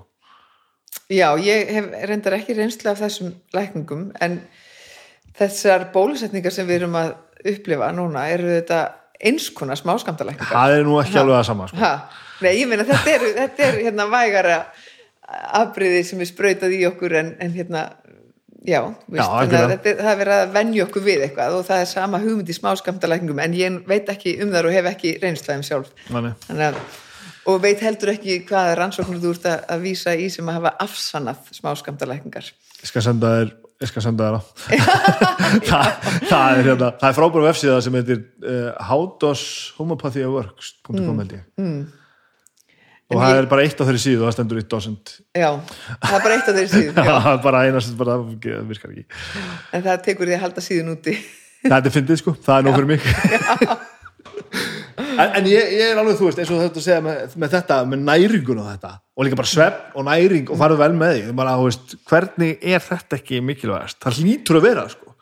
Já, en svo finnst mörgum þetta svo rosalega leiðilegt. Að, að þetta er svo boring líf að þú veist, ég heldur séu komin aftur á golfvöldin eftir 15 ár. Ha, já, í alvöru tala, sko, um leið og fyrir að gera þetta einhvern veginn, hvað orð notaru? áhuga hvern. Já, já. þú veist, þetta er ekki nákvæmlega það sko. Jú, það, það er akkurat, þú kannski þarf maður bara alltaf að þjást daldið, í alvöru tala til þess að nenna að hugsa um þetta. Já, ha, og maður þarf að þjást bara svolítið mikið. Ha, þú, veist, þú, þú ert alltaf góður þú ert alltaf Ég er alltaf góður, sko. Er- þú veist, þú ert alveg að drepast þá dragnastu Já, en ég er samt eiginlega bara aldrei alveg að dreipast Nei. þetta kemur þá bara aftan að mig sko. Já, en ég er hins vegar hérna, með svona næmt kerfi. Ég er svona rosa næm og, og rosalega fljót að finna eða er eitthvað svona veist, eh, eitthvað ekki alveg í lagi og, og svona, já, viðkvæm og, og fer fljótt af stað að kanna hvað geti verið Já, í já. gangi hér? Veist, svona snögg upp. Uh, Já, núna, til dæmis, bara það er nóg að ég sé aðeins styrð í ristunum og iljónum þegar ég vakna á mótana, þá er ég mætt sko til grasalækna. en það er náttúrulega frábært það þýðir líka að þú veist bara að fylgjast með því hvað er í gangi sko. Já, já, það er bara að hérna, hlusta hljóðfæri sitt. Alltaf, aðeins svona fíntjúna þetta. Nákvæmlega Fara aðeins með mig í gegnum hérna fjölmiðla tíman Ah. að því að við vorum að, hva, ekki gaman Ég, já, ég bara, myndi vilja bara setja þetta upp á svona lítið graf Nei, það er það. hægt í útvarpi um, fjölmjöla tímin já, ég glöð að hafa byrjað á kústinum bara á gólfinu eða þú veist, bara sem aðstofmanneskja ég var alveg aðstofmanneskja í þrjú ár. Svo bara var einhver veikur og þá þurfti að taka eitthvað viðtal og ég fekk tækifæri til að taka eitthvað viðtal. Og svo var einhver annar veikur og þurfti að klippa eitthvað viðtal og ég fekk tækifæri til að klippa eitthvað viðtal. Þannig ég lærði eh, á þetta, bara svona rosa hægt og bítandi og mjög fallega þú veist, þannig að lærði bara af því að gera, maður læri náttúrulega mest af því að gera og alltaf til í þetta, fannst alltaf gaman að alltaf til í þetta, ég var náttúrulega bara 23 ára gömul og, og þú veist hafði ekki fyrir nein, um neitna hugsa nema sjálfa mig, þannig að ég, það bara ég bara vann og hafði áhuga á einhvernum að vinna, veist, Já. þarna var ég bara hætt í öllum tómstundum og, og vann bara myrkran á milli, fannst þetta bara gegja ok, svo um, fer ég úr úr sjómarpinu yfir í útvarpi og er í dagmálútvarpinu mhm. Og þar með bara eh, eldra fólki sem að kendi mér það sem að maður þurft að kunna og, og til dæmis að um, strandir eru ekki á vestfjörðum heldur eru hluta Norðurlandi. Mikilvægt. Já, mikilvægt Já. og svona, alls konar. Þannig að að maður náttúrulega sagði einhverja bommertur í útvarpið já, og var svo leiðrættur ah, en þú veist, þannig, þannig lærði maður. Og úr útvarpinu fór ég síðan í já, kast, nei, hvað heita dags, dagsljós, Mhm. já sem var svona dagumála þáttur og þar var ég í tvö ár held ég eða eitt ár. Ég bara, vá, þú veist, ég er ekki með þetta allt á hreinu, en svo svo kemur tækifæri til þess að vera með eitthvað föstudagstátt, löfléttan föstudagstátt og þá þróum við hérna Jón Eitt Bergþórsson og Hjálmar Hjálmarsson og skrifta Sigrun Erla um, þátt sem heit stutt í spunan og var svona tilraun til að vera með spuna í rétt. Bæði að þú veist fá leikara til að spinna Já. út frá einhver svona verkefni sem var útlutað og svo voru við svona með svona spuna samtöl eða þú veist spunnum. Þannig að þetta var ekki allt eftir handriti en var svona spunnið upp. Og og það var bara tilraun og skemmtilegt. Og svo eignast ég mitt fyrsta barn og þá langaði mig bara ekki að fara strax að vinna aftur og, og, og fór svo í kastljósið sem var þá svona meira fréttatengdur umræða þáttur eftir, eftir það og var þar þá hvernig eignaðist næsta barn þá fór ég aðeins yfir á stöð 2 já, og svo þegar ég var á stöðu 2 var ég ólíkt að þriða barninu og þá egnaðist ég það og fór svo aftur yfir á rúf og þá var ég með svona viðtalstætti og svo var ég með þess að viðtalstætti þangað til að, að hrunið kom þá já, ég hætti með viðtalstættina og fór að gera ætli ég hafi ekki bara farið að, að í getu betur þá og, og Eurovision. Já, já. Já, það var líka náttúrulega, auðvitað. Og það var í tvö ár. Og þá eignast ég fjórðabarnið og þá hætti ég alveg.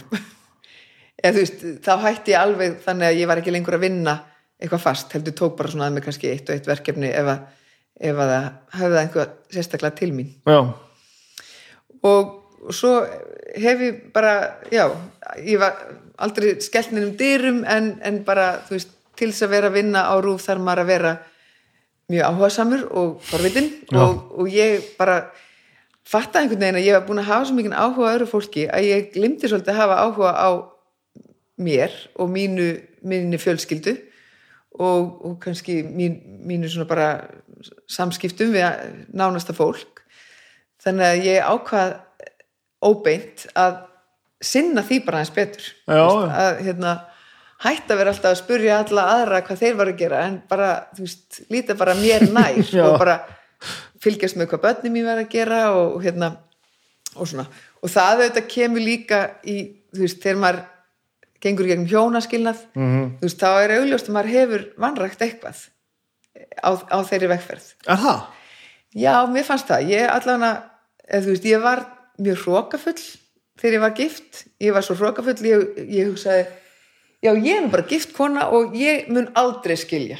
Ég er bara gift og ég er bara komin hér í heila höfn og þú veist, ég mun aldrei skilja. Nú er ég bara búin að eignast þrjú börn og bara, þetta er bara komið. Þetta var, en ég með þetta var geðveikt hjónabond svona utanfrá já, ég mitt, þetta, þetta var, rosalega vel. þetta var veist, ég veit ekkert hvernig þetta var innanfrá en ég meina, þetta var, þetta var og ekki eitthvað svona glamúr eitthvað, bara svona, djúvillig þetta töff. Já, ymmit, þetta var nefnilega það var kannski það sem að var gerðið að verkum að var, maður var svo hrókafylgdur leit svo vel út, við vorum bæði í svona skemmtilegum vinnum og áttum svona þrjú litlu sætt börn og byggum litlu sættu húsi í miðbænum og, og allt svona bara lítið og sætt sko. Já, en, en ég held að ég hefði bara vanrækt helling í, í því forhóli, þú veist. Haft of mikinn áhuga á vinnunni og öðru fólki og of lítinn áhuga á innviðum fjölskyldunar og heimilisins. Og hérna og, og verið svo hrókafull að halda ég myndi bara svífa í gegnum þetta allt alveg og aldrei skilja þú veist, sem að þannig að dramb er fallinast og þá skildum við. Er ekki svolítið er ekki svolítið harkalegt að feysa þetta? Að, Nei, það er ymmit bara mjög gott að feysa þetta vegna þess að, að veist, ég var dómhörð á, þú veist, má fólk bara alltaf að koma saman og eignast börn og svo bara skilna, ha, Já. og ef ekki að, þú veist, þú var bara dómhörð. Þú veist, ég var þannig. Og þannig að þetta er bara gott á mann þú veist, að, að bara dæmið og þér munu dæmdur verða. Ég, ég bara lendi þá í þessu. Já, já, Hmm.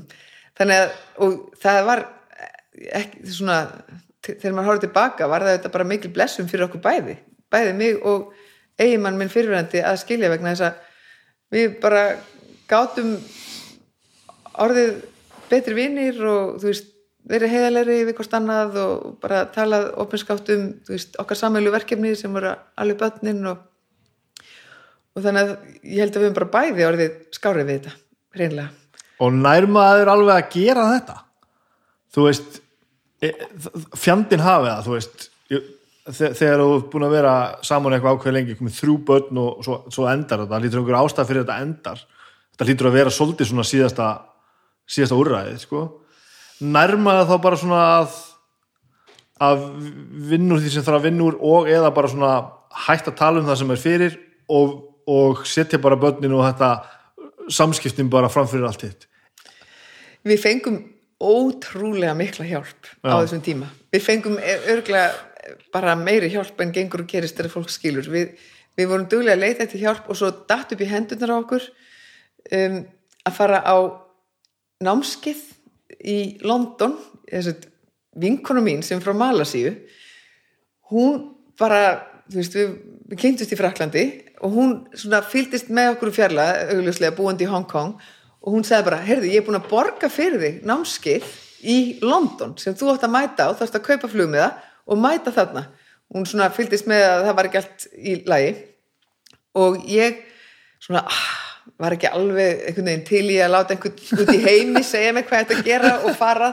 En ég svona frestaði þessu humma þetta fram að mér, en svo endanum bara hún let mikið frið, þess að bara nú getur ekki frestað þessu lengur, þú ferð bara núna. Og það var, þú veist, sumar og ég fór um sumar og þetta voru 38 klukkutímar af námskeiði, þar sem að var verið að kenna mann eiginlega að uh, sjá aðalatriðin og hætta að festa sig í aukaatriðum.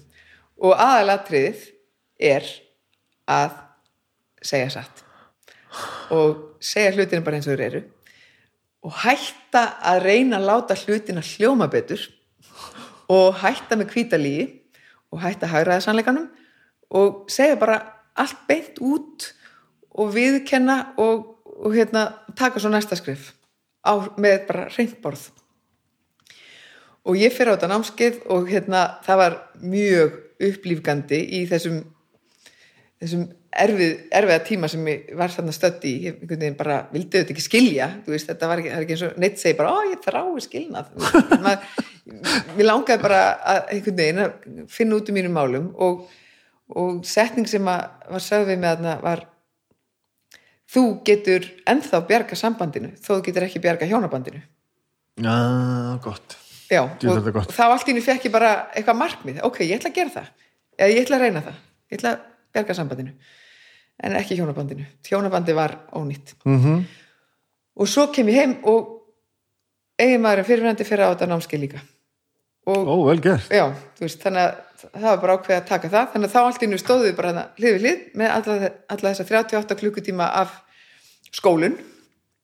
Já, og, og svo fór hann með þess að á framhaldsnámskeið og svona miðlaði til mín af því ok, og við fengum líka að tala um prest og við fórum til sálgreinis og við fórum til hjónabandsráðgjafa og skilnaðarráðgjafa og þannig að þú veist, öll þessi aðstóð gerði að verkum að þetta var hægt.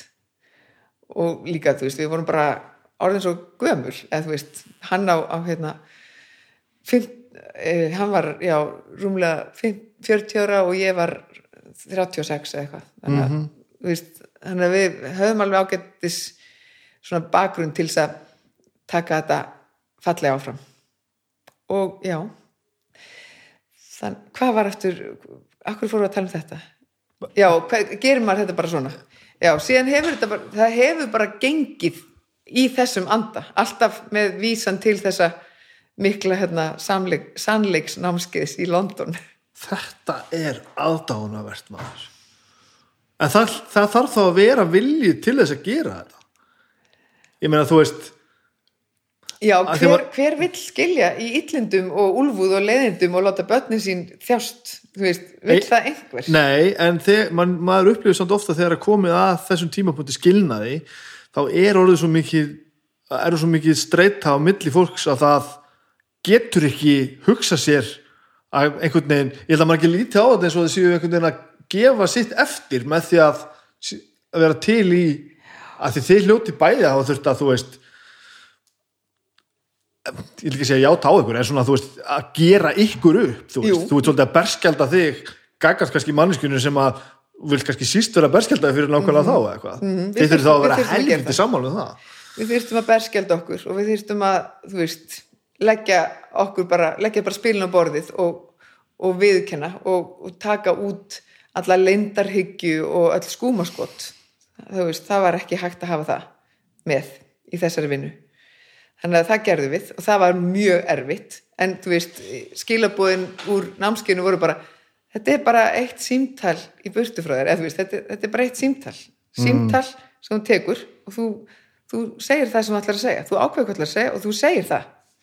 Þú veist, þú veist hvað þú þarft að segja og þú gerir það og þú ítir þessu ekki frá þér og þú gerir þetta. Og þetta var í raun og veru við fengum tíma innan námskeiðinu til þess að taka símtölin, til þess að klára símtölin og svo rapporturuð við um hvernig símtali gekk.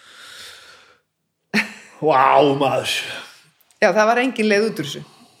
Að, að það En var ekki hægt að sleppa þér hreinsa. en það er náttúrulega engin leið út úr svona Nei, nei, en það er í, í daglegu sambandi.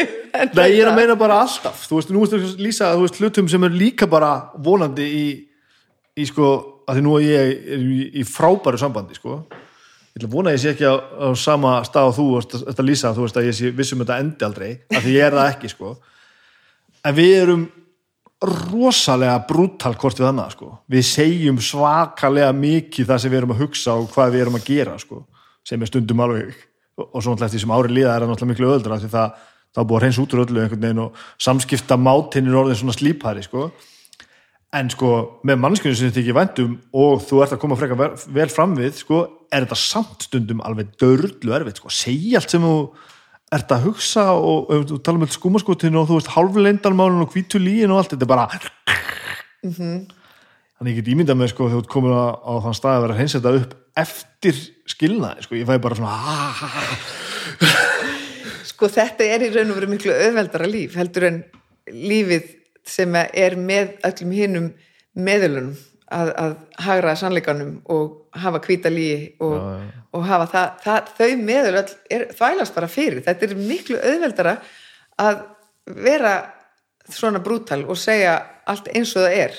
Ég man eftir einu góðu dæmi af þessu námskeið vegna þess að við, veist, það var þátt, þetta var þáttökunámskeið það voru hundra manna salur og þáttökunámskeið og einn maður kemur upp og segir að þetta var ennsku og hann sagði Yes, I, I was married and uh, then um, I met another woman and uh, I, I started a relationship and it kind of overlapped. Og þú veist, þá var bara uh, overlapped, you mean you had an affair? Þú veist, þetta var, þetta, Það var bara- þú veist, það var bara þetta. Það er mikið með þetta orðalag. Og þú veist þá og, og allir hann inni hefðu örgulega geta orðað þetta eins og þessi blessaði maður. Já, já, já. En, en sá sem var að þjálfa hann bara tók þetta og sagði bara þetta er bara brot og trúnaði þú veist, þú bara braust trúnað. Höfum það bara upp á borðinu. Og, og, og þannig eh, svona þjálfaðan okkur til þess að hætta að grípa til þess að orða leppa sem láta allt hljóma aðeins skár. Þetta er svo stert í mann að gera þetta sko. Já, en það er auðveldara, ég, ég er að segja það að það er auðveldara að segja hlutin eins og þeir eru, þó að kannski gera það mann sumuleiti bara óhæfan í samskiptum og hérna, óvinnsælan að mörguleiti. og maður verður líka stundur svo sjálfselskur eða þú veist, maður hljómar svo sjálfselskur af því ég, nú ætla ég að segja þér alveg hvernig þetta er og ég hugsa þetta svona og svo bara svona djöfu hljómar þetta illa maður, shit Já, en svo kemur annað í, í hérna með þessu og þú veist, það er að að, að taka út ego að, þú veist, horfa á egoð sem maður er með -hmm. og setja það bara til hliðar og, og geima. Þú veist, það er ekki að hjálpa börnunum hans í skilnaði að maður sé með ego. Nei, nei, nei, það er ekki að hjálpa samskiptunum að vera með ego fr framarlega í samskiptunum. Þannig að þú veist að taka egoið og, og setja það bara í sko formalín eða, þú veist setja það bara til hliðar. Þú veist að það er bara ekki eh, virkt afl í þessu öllu. Það var mjög hjálplegt. Og, og auðvitað er egoð alltaf að rýsa upp og gera uppsteit og krefjast aðtykli og alls konar. En maður þarf þá allan að, að læra að þekka það þegar það er að tala og, og bara segja við það eins og lítið bad nú þarf þú aðeins að halda þetta til lés og meðan ég klára hérna ímis mál. Já. Af því að þú ert ekki að fara að hjálpa mér nei, í ímsum málum. Og hvað er satt maður. En egoð er auðvitað nöðsilegt til að verja okkur í ímsum aðstæðum. En, en, en ekki þegar maður er í nánum samskiptum það er ekki að hjálpa. Það er bara heiðarleikin að hjálpa. Hvernig gekk þá að fara inn í nýtt samband með þetta þessa aðferðarfræði allt í töskunni? Það var bara annar skóli og hérna og er eh, merkilegt að fara inn í nýtt samband vegna þess að um, maður heldur kannski að allt sé auðveldara og maður sé að hérna, fara úr einhverju rosa erfiðu yfir í eitthvað miklu auðveldara. En þetta heldur, þú veist glíma manns heldur bara áfram þó maður sé komin í nýtt samband. Já. glíma manns við uh, sjálfan sig og egoið og, og hérna að stunda góð samskipti, þetta heldur alltaf áfram og, og það er ekki eins og maður sé bara alltaf, allt í hennu bara komið fyrir hotn og já, nú er þetta bara svo létt, þetta var allt svo erfitt. Þannig að maður já, maður er þó allan að koma með dálítið mikinn áhuga á að, að um, laga og fínbúsa og vanda sig og, hérna, og þekkir alls konar svona skilgreiningar á hvað virkar og hvað virkar ekki og, en þú veist árekstrar, við minn almáttur þeir eru ekki búnir nei, í nýju sambandi. Nei, að því að þú veist, maður er alltaf að glíma við, við sjálfan sig og egoð er alltaf að koma og, og krefjast uh, alls konar hluta af manni og umhverfinu og þannig að maður þarf að maður þarf bara að halda áfram og halda haus og, og, og það er alveg erfitt sko. Sko, þú ert, þú, ert, þú ert svolítið að lýsa mi- minni, mínu lífi mínu sko börnur fyrra sambandi sko. Ert þú með börnum fyrir saman? nei, mínus það sko. Ég er ekki með börnur fyrir sambandi sko. Já, en þú veist ég, ég, ég, að, þetta svona líkur ekki alveg hlið við hlið sko. En ég, svo þegar ég kom inn í nýtt samband sko á þess að fara á námski í London þá einhvern veginn sá ég bara veist að, að ég yrði bara ef mér ætla að líða vel, yrði ég bara að segja nákvæmlega það sem ég er að hugsa þegar ég er að hugsa og hvernig ég, hvað, þú veist veri ekkert einhvern veginn að færa og, og, og, og svona nú er ég, já, þetta er kannski ekki alveg hlista þetta það var ekki svo mikið ekkert eins og ég hafa verið að breyða yfir einhver stórkvöldlega óheilindi sko. en ég var alltaf svona að segja einhverja hliðstaða útgáfa því hvernig ég hugsaði sko. að reyna að passa inn einhver staðar með því að segja þetta svona en ekki hins egin sko. þannig ég kom inn í nýtt samband sko, og, og við erum búin að saman alltaf í tíu ár og þetta gengur greiðlega mjög vel og við einhvern veginn duttum beint inn í það að fara að segja hlutin alltaf rosalega hreint út sko. það er bara stundum eins og næstum eins og ára og já, þetta er svona og ég var að hugsa þetta og þetta gerðist sko. Ég held að þetta sé næsti kaplinni mitt, hérna, þegar maður er búin að reyns út alla hagræðingarnar á sannleikanum og kvítulín og það, þá er næsti kaplin að, að tjási þannig að maður forðast árásargjant tal og árásargjantna nálgun og, og það er alveg líka heilmikið hérna, heilmikil æfing og, og það sem að ég kannski æfa mig núna er bara að vera ekki alltaf að bregðast við vera ekki alltaf að bregðast við og vera ekki alltaf með svona mikla skoðanir og öllu og vera ekki alltaf Já.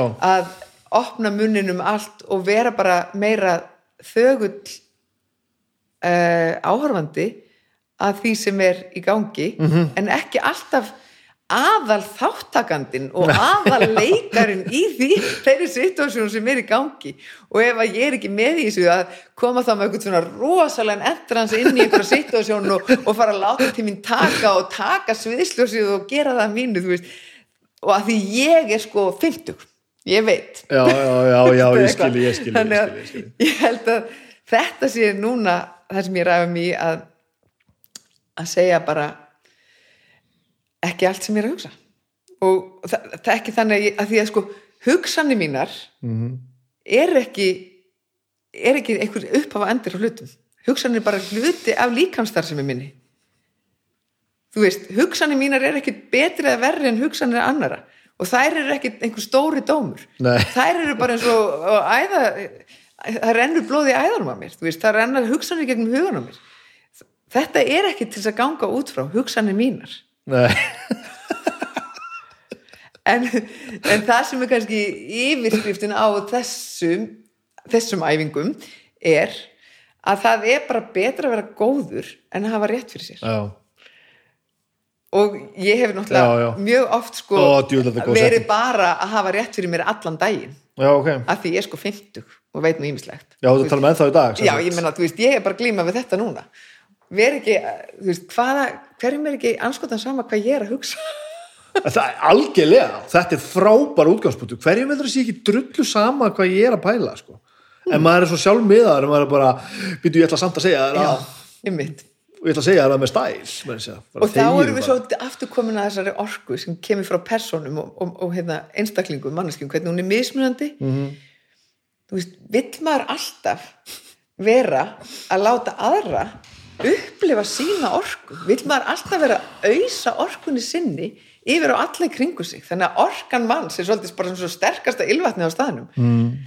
Maður sækir sundum í það sko.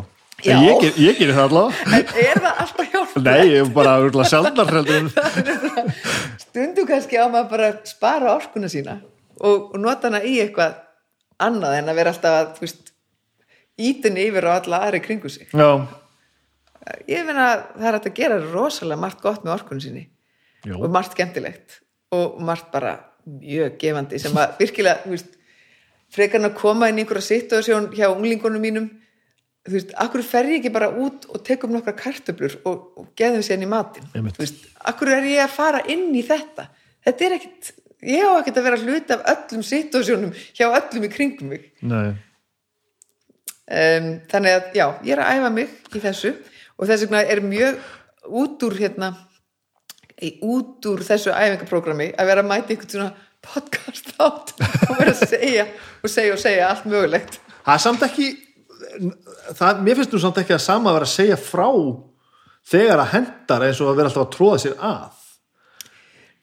Nei, en svo líka bara þegar maður er að hérna, þegar maður hefur trú á samtalið eins og, eins og þú og ég, ég hef trú á samtalið og ég, ég held að sko, við séum að það er í vök að verjast samtalið af því að við erum bara með hérna, hjörtun, getum bara sett þau í staðan fyrir að segja hei, vákomast þetta frábært hjá þér, þú veist, það getur maður sett þau hjarta og það er bara búið, bara að afgreða alls konar bara, Þetta eru bara sex díkall og- tilfinningar. já, þú veist, og þú veist, við, samtalið er svolítið að grotna niður með þessum möguleikum. Ég heldur við séum að fá það tilbaka samt aftur maður. Já, það getur nefnilega vel verið að því að fólk þyrstir í fjölmiðlun er til dæmis að breytast sko. það var búið að sjóða allt niður í 30 sekundur Mhm. allt í einu er orðið pláss fyrir þetta sem við erum að gera hér Mhm. það var ekki, þú veist þegar, þegar þú varst í þessu þá, þá varst þú ekki með þryggja tíma Nei, viðtöl, sko. nei, aldrei þetta er einhvern veginn, það er nógu markað fyrir þetta núna ég held að við þurfum þetta núna sko.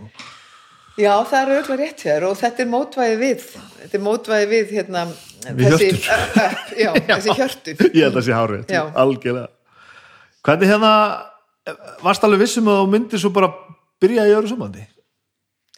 Já, ég, ég hérna, var alveg vissum að ég myndi áfram vera fjölskyldumannskja mm -hmm.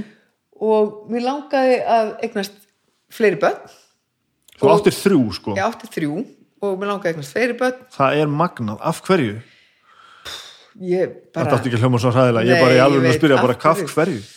Um, ég átti nú þrjár stelpur og var alveg svona til ég Ok. að gefa þess en sem myndi kannski eignast svon, en þú veist, það skipti náttúrulega engu máli. Meni, svo eignast í fjóru stelpuna. Um, mér finnst bara uh, mér finnst bara ég þarf bara að láta ala mig svo mikið aftur upp. Hvert barn elur mig upp á nýtt. Já, ég þarf bara svo mikla meiri skólun hérna til þess að vera einhver raffineruð útgáfa af því sem ég get verið þú veist, ég veit ekki ég, fyrsta barni mitt kendi mér um, kendi mér eitthvað sem að er svona bara elja og dugnar og gefast ekki upp og, og hérna, eitthvað sem ég bara var aldrei að spá í og svona rosalega svona styrkur. Annar barni mitt nú bara kendi mér að hérna að vera svona já, hvað, hvað maður segja? Það sé, ég þurfi ekki að vera kennari ég, þarf ekki að vera kennari það er nóg að vera bara. Veist, ég þarf ekki að vera með allt á hreinu og vera kennari og kenna öllum allt sem ég kann og vera alltaf bara auðsand út um mér því sem ég hef að miðla. Þriðja barnið er er bara að kenna mér rosalega margt, Hún- er bara nýjörðin úlingur og er að kenna mér til dæmis bara allar þessar hugmyndir um, um hvað maður að segja svona mannréttindi og þú veist viðkomandi helt helt ræðu í fermingaveslun sinni um umhverfismál og bara er að kenna mér að horfa einhvern veginn öðruís á heiminn. Og svo e- á ég og veru bara eitt barn og það er 11 ára og það er að kenna mér að taka egoið og hafa það ekki með í fjölskyldunni. Veist, í fjölskyldunni er ekkit ego það, það er bara bara reynt hérna, sambandum milli hjartna þannig vá hvað ég þurfti á þessum börnum öllum að halda. Já, og, og að eiga síðan, eiga síðan mann, þú veist, mér mér finnst æðislegt að eiga eigimann mér finnst það frábært að eiga eigimann ég, þú veist, þó hann sé þetta ekki minn eigin, ég meina hann er bara sinn eigin, en, en mér finnst ótrúlega ég er svo þakklátt fyrir að eiga lífsförnaut já, og, og það sko ég myndi segja að þetta væri bara stormasamt að eiga lífsförunut, það er bara stormasamt og það er erfitt. En ég hef það mikinn áhuga á að eiga lífsförunut að ég hef svona sett það mjög framalega í því sem ég er að gera og vinna í. Þannig að ég, ég ímynda mér að getur vel verið að sé ramt hjá mér að þetta sé jarlífið sem ég fæ að upplifa eiga, eiga lífsförunut og, og þú veist og við erum saman á döðastundinni fallegt. Já, ég meina ég er bara svo, svo er ég stundum að hugsa um þetta bara hvað, þetta er ekkit sem að krakkarnir mínir er að spá í þú veist, þau eru ekkit að spá í eitthvað svona. Og mér er þess að heldur stundum að svona rómantísk ást sé bara hugmynd sem er að deyja drottni sín bara eins og gullgerðalistin er ekki lengur hérna, Já, já, þú veist, þetta sé bara eitthvað svona hugmynd sem er á, á sig bara sinn tíma í hérna veraldarsögunni og, og tími romantísku ástarna sé bara að vera búin núna. Og við, lif, við erum að lifa þann tíma. Og, og það er aðri hluti sem að eru svona ég upplýði stundum að sé tímin er að vera búin, þú veist, ég held að kannski hjónabandi jafnvel sé að verða búið. Þú veist, hjónabandið er auðvitað uppfinning mannsins og stopnun sem maðurinn stopnar bara eins og aðra stopnanir -hmm. og mögulega erum við að fara að sjá fyrir endan á, á hjónabandinu sem svona löggerningi og einhver, eitthvað issue í mannfélaginu. Þú veist, ég veit ekki hvort að vera okkar líftíma en ég get séð fyrir mér að það verði ekki alltaf til þessi stopnun og svo er leiðilegt að segja það en ég held líka að jólagjafir séu að verða búnar og við séum að fara að sjá fyrir endan á þeim. Akkur? jólakortin eru að klárast. Þau, þau eru ekki lengur til og, og jólagjafirnar byrjuðu þú veist, einhvern tíman bara fyrir ekki svo lengu, þú veist, auðvitað fyrir nokkru manns öldrum. Það voru ekkert alltaf gefna jólagjafir, það er ekki náttúrulega mál að þessi gefna jólagjafir. Og ég held að við séum að sjá fyrir endan á því. Að því bara allir eiga allt, allt og mikið. Já, allir eru alltaf að fá eitthvað sko. Já. Þetta var náttúrulega jólakortið og vantanlega orðið til til þess að að hafa einhver tímamót til þess að láta aðra vita af sér og fá vitnisku tilbaka, nú gerum við það bara á Instagram sko. Og svo vantanlega jólagjafirnar voru fundnar upp til þess að gera sér glaðanda að því að, að því að enginn fekk neitt Já. aldrei. Já, akkurat, nema þannig- einu svona ári til þess að fara ekki í jólaköttin sko. Þetta er orðið svona tímaskekkja með við hvernig við fáum alltaf allt en það er rosalega gaman að gefa gjafir sko. Já, ef maður gerir það það er það á, á, á réttum fórsendum það er ógæðslega gaman sko. Og mér finnst enn meira gaman að fá gjafir sko. það er sætla að þykja heldur en gefa sko. mér finnst geðveikt að fá gjafir sko. en það munar mjög litlu mér finnst mjög gaman að gefa sko. En kannski í mitt mun þetta element, hvað það er gaman að gefa bjarga jólagjónum þannig Mhm. ég að sko, allir gefa þá líka á réttum forsendum en ekki út frá þessari skildurækni heldur út frá áhugakvöld og, og af hjarta. Veist, Já, við vera finnst þannig, stundum eins og við séum að gefa jólag ó, við verðum að finna eitthvað handa þessum og við verðum að finna eitthvað handa þessum. Æ, hvað gefur maður þeim á allt? Veist, er maður ekki alltaf að heyra þetta? Þess vegna held ég að þetta sé ég að vera tímaskekkja að ég geðið góður ekki á gjafir sko. ég var mjög að smalla eitthvað í höfðunum og bara, já, hörðu, ég veit hvernig þetta er. Finna eitthvað, eitthvað sem að mér finnst skemmtilegt og pínu óþarfa og, og bara finnast það nógu djúvel gaman, þá er þetta alltaf gaman Já, en þegar við erum samt farin að eyða meiri tíma í að koma hlutum burt frá heimilunum okkar Já, já. heldur en að viða að okkur er þegar, sko. veist, það við viljum ekki eyða svona miklum tíma í að koma hlutum burt frá heimilunum okkar þetta er rosa margar ferðir sorpu og mikið bensín þetta- þetta er sko. Þetta er alveg ruglað, sko. þá fer þetta að verða svolítið rugl á maðuröðin ekki þrjú börn fyrir það Jú. þetta eru sjö börn, Já, sko. hvað gerir maður þá? Maður bara reynir að maður gerir ekki neitt, veist, maður reynir bara að vera almennilegur og, og hérna og maður hvað maður segja, ég myndi hafa vilja vita eitt áður en að ég fór í þetta. Ég myndi vilja hafa vitað fyrr að ekkert gerist að sjálfu sér í svona. En það gerist sem maður fókusur er á og það sem maður eh, leitast við að rækta veist, það er ekki bara þannig að já, nú búum við öll hérna bara undir sama þaki og nú hrærustu bara öll saman og þetta bara verður bara fínt og allir verður bara glaðir þú veist, í raun og veru það gerist ekki þetta á sjálfur sér. Það þarf að eh, svona meðvitað að vinna í að allt gangi vel. En svo hefur maður kannski ekki alveg vit eða tíma eða, eða gefur sér ekki tíma eða því, þú veist, brauðstyrítið heldur bara áfram og við erum bara öllum saman þakki og bara mæti vinnuna og bara skólan og bara allir að reyna að, að, gera allt sem á að gera og maður er búin að skuldbynda sig í og, og það verður þetta oft mjög stressað og erfitt og, og margir núningsfletir á mörgu fólki. Þannig hérna, núna eru blessu börnin flest orðin unglingar og bara eiginlega eitt barn eftir. Og þau sem betur fyrir bara eiga önnur heimili líka það sem eru færri. Já, sem að- akkurat. þar sem að þau fá kannski aðeins meira andrými og á okkar heimili hafa alltaf verið mjög margir og margir núningsfletir og lítið pláss kannski, lí- lítið svona persónlegt rými, veist, tveir og tveir í herbergi og svona. Já, akkurat. Þannig að þú veist, enginn á að þurfa að vorkina sig fyrir það en, en hérna það er líka gott samt að geta komist svona aðeins út af fyrir sig. Já, maður er svo fljótur um þetta stökkva í eitthvað svona sko. ég veit sko ég, ég, á notabene tvö börn og ég er stundum að drepast sko. ég er bara þegar heyri, sjö börn sko. ég, bara, ég skil ekki þú veist ég skil bara ekki, ekki lókikina hvernig þetta á að koma heim og saman sko. ég bara Nei, en, en auðvitað svo er þetta alltaf bara þannig að svo fer maður inn í einhver aðstæður og þá er þetta alltaf bara þannig og þá virkar þetta alltaf sko. sko, börnin eru líka svo mörg og misjöfn, eða þú veist, þau eru svo ólíkir persónleikar, það er það sem að undra mig svo mikið, að, að þau eru, þú veist, að upplifa kannski sömu situasjónir en taka svo ólíkt á. Og, og þeir eru búin að te- telja upp hvað öll hérna börnin mín hafa kent mér þá hafa líka stjúbörnin mín kent mér já, já, hellinga hlutum. Af því þau eru koma svo með enn aðra hérna móttökutegundina við aðstæðum og þannig að já maður ég held ég sé líka bara að gefa mig tíma til þess að horfa þess á þau og, og bara njóta þess sem þau hafa fram að færa inn í mitt líf. Af því það hefur verið mjög hektist oft hjá okkur.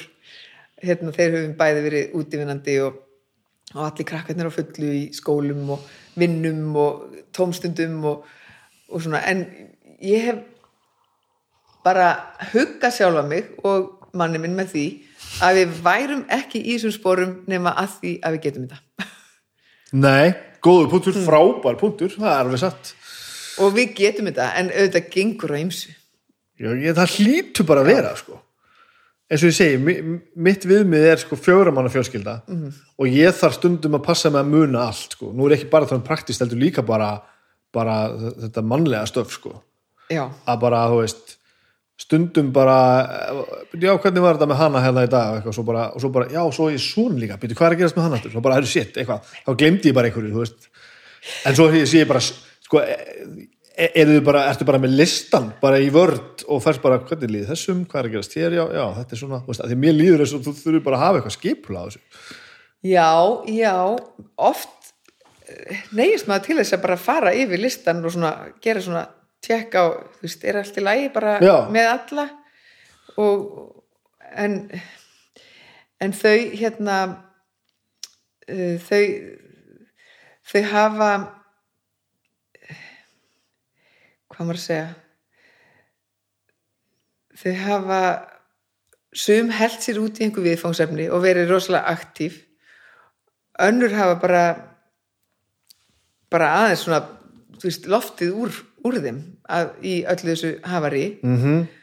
og það koma svona tímabil þar sem að einhver er kannski aðeins á nippinu og, einhver, og aðrir eru að njóta sín og svo skiptist þetta sem betur fyrir á og það sem maður þú veist, maður má ekki vera maður, maður, maður getur verið svolítið svona móðusjúkur um bara, við minn góður, við berum svo mikla ábyrgð Já. og, og, þú veist, og það er ekki allt í lægi með alla og, og þú, veist, þú veist þannig að maður er að halda rósinni Hérna, bara þó að komi tímabil þar sem eru erfileikar hjá einhverjum þá hefur allt tilhengu til að leita jafnvegs og það hefur sínt sig. Og við höfum upplifað bara, við erum bara búin að missa þetta bann, við bara náum einhver sambandi. En svo kemur það tilbaka. Ok, og þá kannski missum við eitthvað annað bann og svo kemur það tilbaka. Og þú veist þannig að maður má ekki vera of kröfuharður um að lifa einhverja glansmynd þar sem allt gengur svo vel að því við erum að standa okkur svo vel. Nei ég er held ég heldur ekki að tala um það. Ég er bara að tala um að stundum líðum ég bara þess að ég ná ekki utan um þetta sko. Já, þess vegna er ég í fríi núna.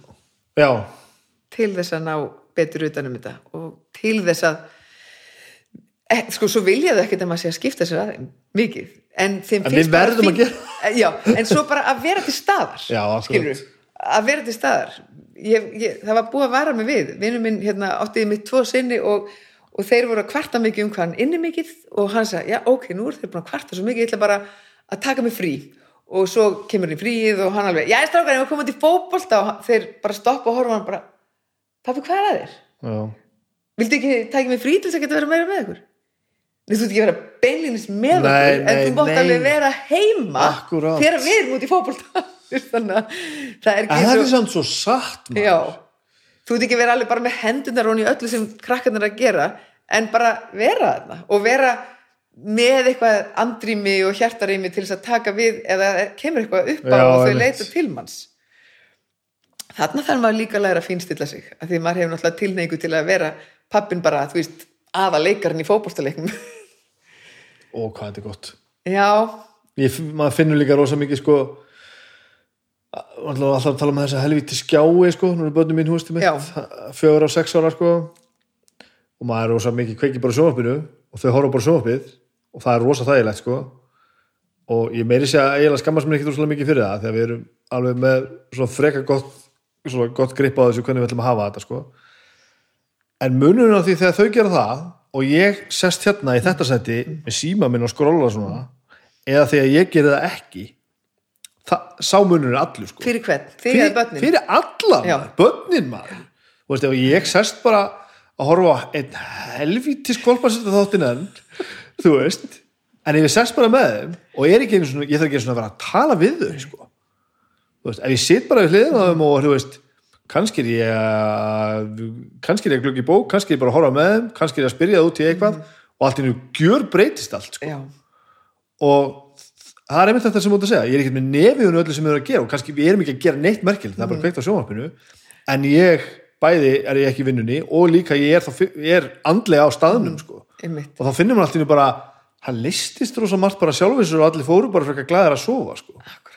Að vera andlega fjárverandi er ótrúlega minnsemt og það er auðveldara í dag að vera andlega fjárverandi held, heldur en nokkuð tíman fyrr. já, Þannig að þetta heyrði ég fyrir löngu síðan einhvern tíman bara þegar ég átti bara mjög fáböld að það var ekki spurningum sko gæði stundana sem var með börnunum sínum heldur væri í raun og veru e, meira spurningum magn sko vegna þess að það að vera, hugmyndin að vera sko, já, já, þetta er bara fáastundir en við notum það rosalega vel. Já, það á ekki við Nei. þarna.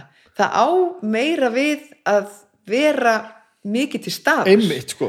Og ekki að vera alltaf já já nú skulum við fara hérna öll út í eina krónu geggja gaman og svo bara ratleikur og þú veist rosa skemmtilegt Þetta, sko, þetta. þetta er ekki málið. Nei. en maður myndi kannski halda það því að samfélagið að öðru leiti virkar svolítið mikið svona það er svolítið mikið hæp og gigg menning sem við lifum í. Algjörlega, en þetta sko. á ekki við í fjölskyldum. Nei. þannig að það þarf ekki að gera mikið það er bara að vera. Og, og ég er rosa mikið að læra að treysta því núna einmitt með, með gegnum þess að sálfræði sálfræðistús og það allt saman líka sko. Að þú þarft ekki alltaf að vera með allt bensinni í botni sko. Þú þarft ekki alltaf að vera að fara í sund. Nei.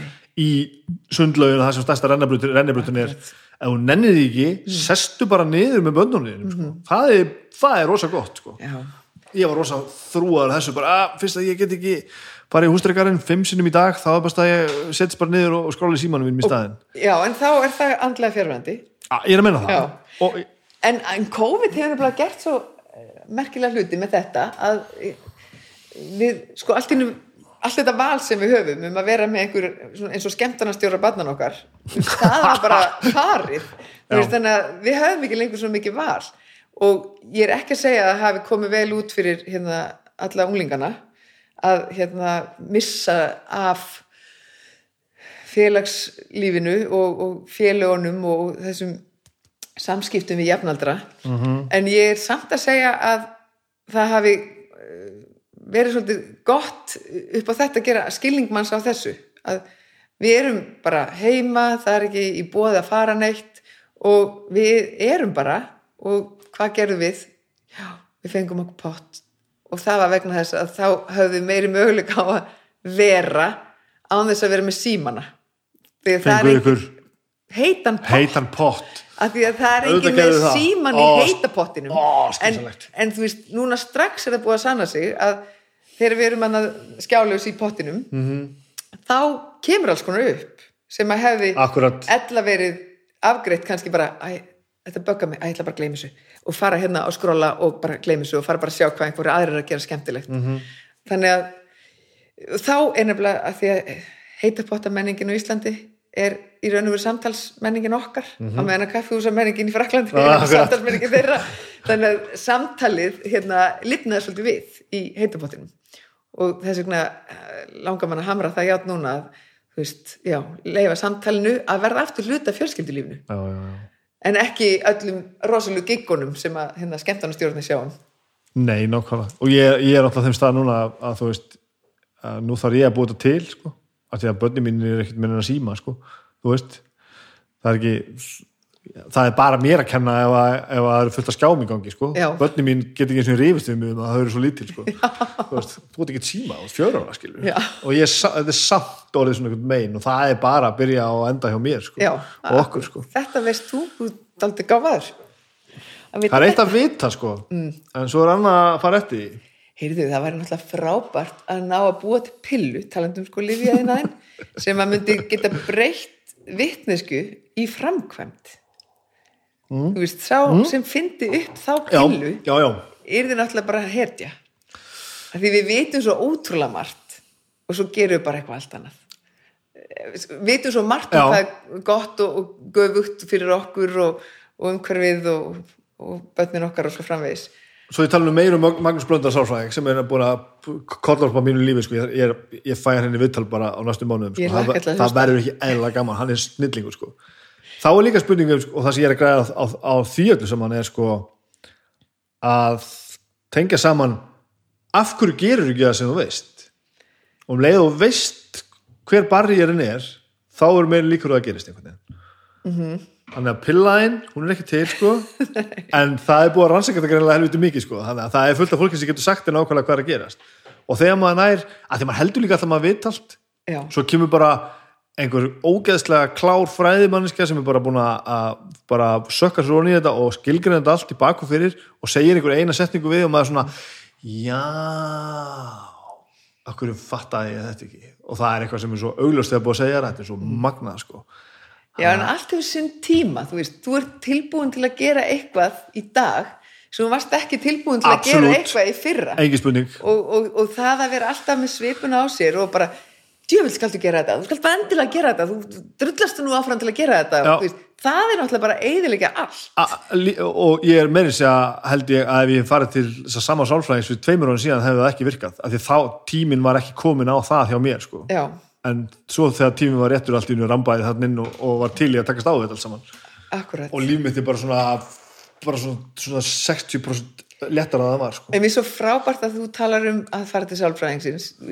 Við erum það ætti raun og vera að senda okkur til sálfræðings fyrst þér eins og við erum bara í eftirliti hjá tannlækni Já, er nákvæmlega þannig, þannig lítið á þetta, akkurát þannig sko. og bara tækifæri til þess að vinda ofan að sér og, og, hérna, og fá endurgjöf frá fagfólki að því, að því við erum ekki svo rosalega einstök og skrítin veist, allt sem við erum að glíma við er alveg þekkt Allir? já, Já. þe- þetta er allt saman þekkt og, og ég mitt, mann eftir viðtali við hérna, mannesku sem að e, var hjá stjúptengslum og var að segja að það er svo mikið synd hvað gengur oft illa í, með Á stjúp- stjúptengsl já, sett, að því að munstrið þegar stjúp eh, hérna, tengsl verða til er alltaf eins alltaf eins, fólk Já. er að reyka sig á sömu hlutina já. aftur og aftur, nýjar og nýjar fjölskyldur að reyka sig á sömu hlutina í gegnum stjúptengsl af hverju fá ekki bara allir upplýsingar hérna sem er að fara að stopna til stjúptengsla sem að nýtast þeim til þess að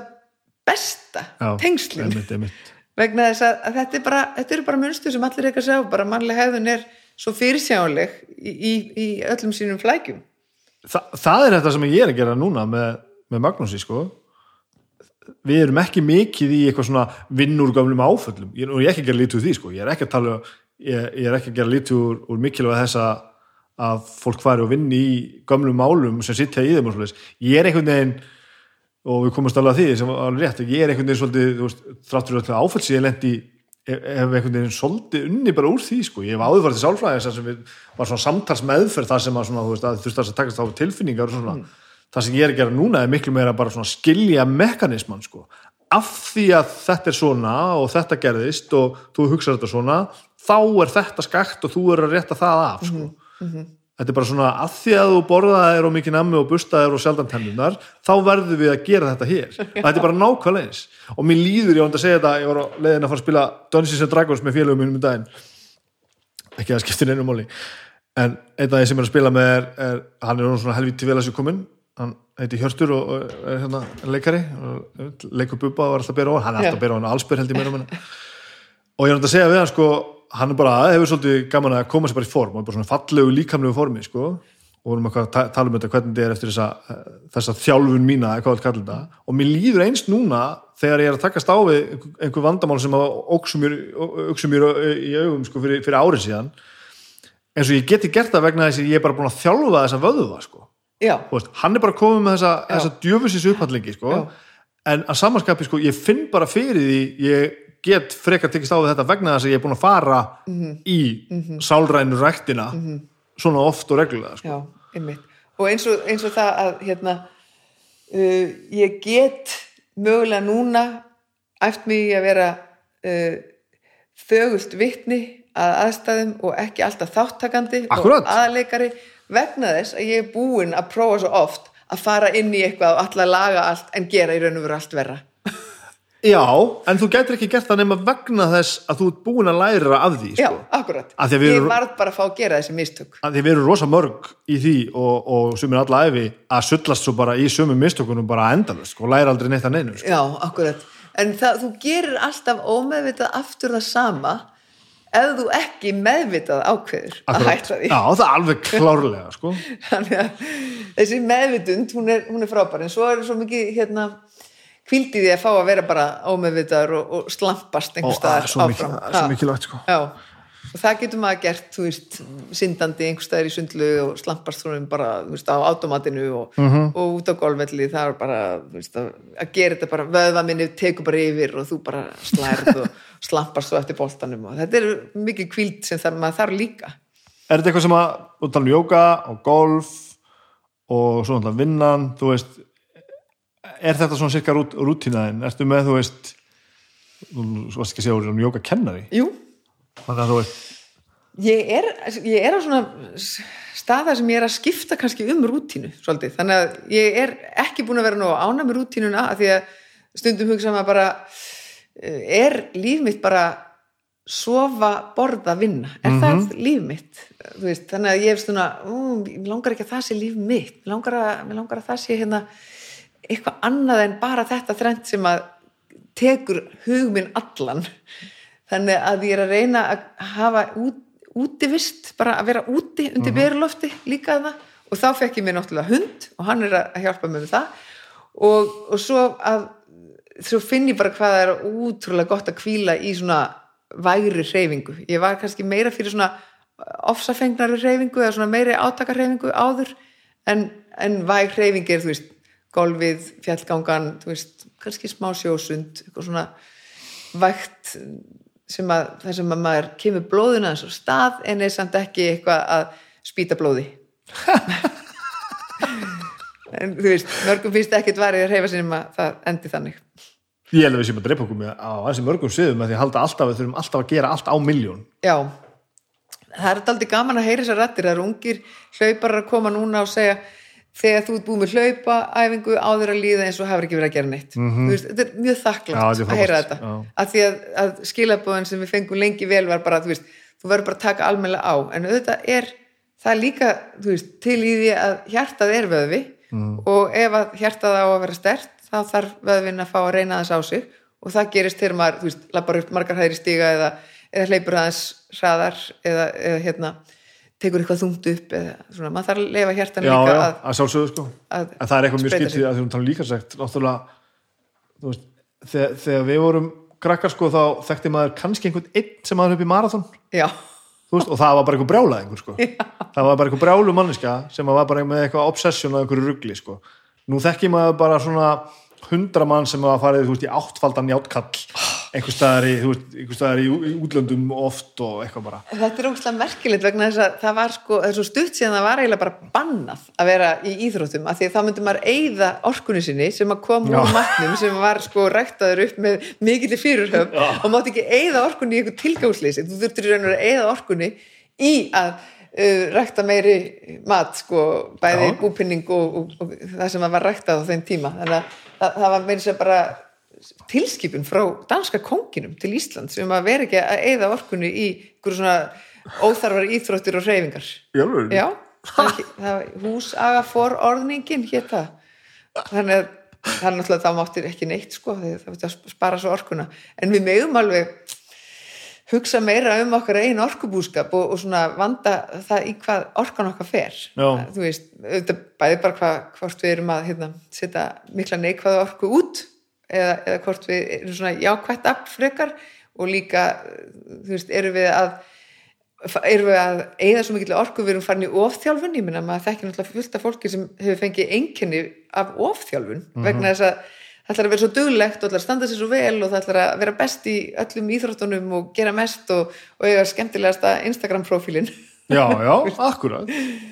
þannig að við erum, við erum kannski við þurfum ekki að hlæja mjög hátt að þarna húsaga forordningunni þegar Nei, var, nei. fólki var ráðlagt að fara vel með orkuna Þetta er alveg rétt sko Heldur þú farið aftur að, að, að vinna?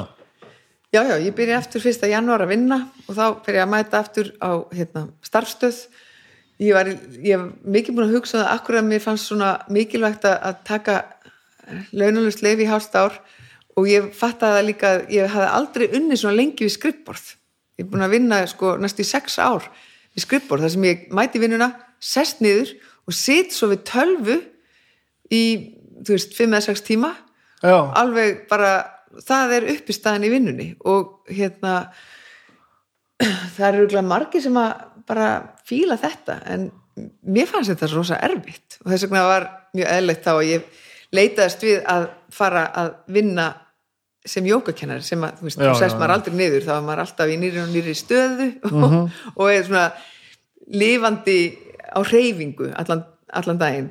Hinar vinnurnar mínar kröðust þess frekar að ég væri veist, allt frá því á geðdeldina sem ég var mikið bara með fólkið út í göngutúr og var kannski að setja rúlur í hárað á konunum eða veist, taka þátt í söngfundi eða eitthvað, þú veist, svona meira fjölbreytilegt annað en að hafa þessi tölvupóst samskipti og tölvuskjá alltaf fyrir fram að sig og síman og, og þetta, þetta er svona þó þetta sé hvað maður að segja, mjög snirtil vinna þá getur hún verið svolítið hérna líjandi og maður þarf að vera svo agaður til þess að veist, standa upp og gera hlýæfingarnar til þess að finna blóði renna. Svo bara já. ánum að veita af henni maður bara orðin svona og rækjan er farin að taka yfir líkamann og maður er farin að minna meira og meira á hana og það er bara það er bara eðlilegt að maður falli saman eftir því sem að hérna, árin líða. Og maður bara þörfin til að vinna móti þessu samfalli var allt í nú gríðarlega sterk. Já, þannig að rútínan núna á að innihalda uh, jóka sem að tegir mann í alla, allar áttir. Og síðan þessa útiveru sem að veist, gera verkum að loftið í manni bara innra með manni staðnar ekki bara, þú veist, þannig að maður ekki alltaf bara draga sér eitthvað inn í loft, eitthvað skrifstofuloft með, þú veist, eitthvað svona brentararíki og já, já. Nei, ég, ég fann allan að fyrir þessu sem svona óþólspunkti. Þó, þó að margir ráðalegu við þetta. Og ég dáist að fólki sem að þú veist, fer alltaf í leikum í hádeginu og gerir hlutina. En að því ég var bara í, í 70% vinnu þá svona hafði tilneingu til að koma bara, vinna bara og gera allt og klára allt þú veist, örgulega 100% vinnu þú veist, á þessum já, stutta tíma einmitt, einmitt, skilur, og standa bara ekkit upp og bara standa ekki upp fyrir ég bara búin og þá bara, þú veist, fara heim og í þau verkefni sem býða þar. Já.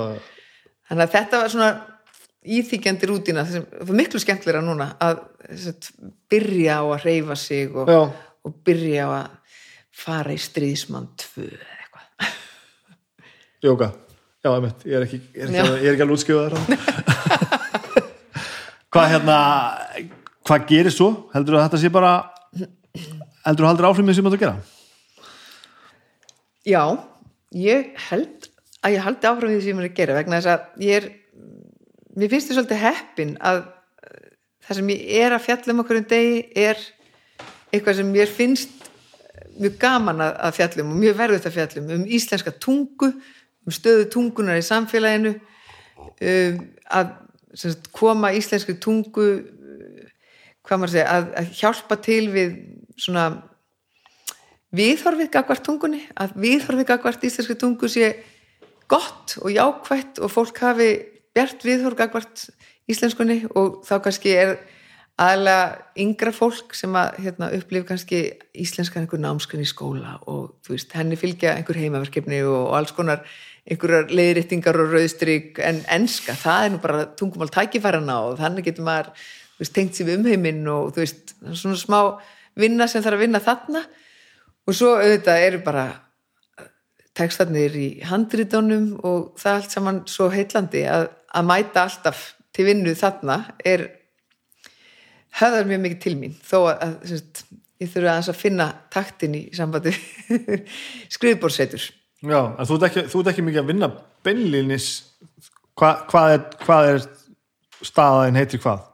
ég, núna er ég verkefnistjóri og þá er ég að vinna við miðlun, að miðla sagt, frá Já. stofnuninni því sem að verið er að gera og, og leitast við að því að þetta er, þetta er stofnun sem er á fjárlögum þá þurfum við að ná til allra landsmanna Já, út um já, allt land og á öllum aldri og það er svona smá pæling hvernig það er gert, hvernig við getum láti fólk vita að við erum til staði fyrir það og, og, og það eigi eitthvað að sækja til okkar. Já, já, ok.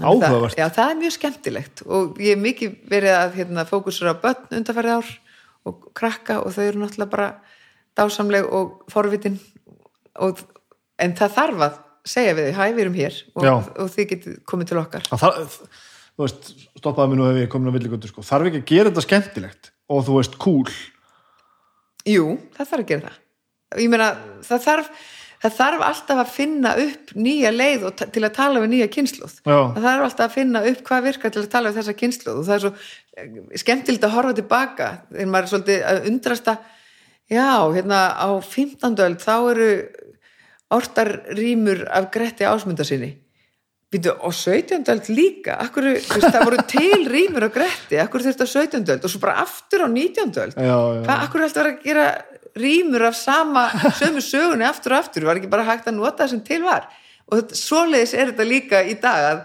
Já, já, við þurfum alltaf að matreða efnið upp á nýtt með nýju miðlum fyrir nýja kynnslóð sem að skilur hlutina Já, þú veist á já. sinn hátt þannig að þetta miðlunastarf er aldrei búið Nei, og þetta bara eh, best að viðkynna þetta bara strax. Ekkert að vera þú veist að tala við unga kynnslóð með einhverjum gömlum orðaleppum og það er að tala við hann á því máli sem hún skilur.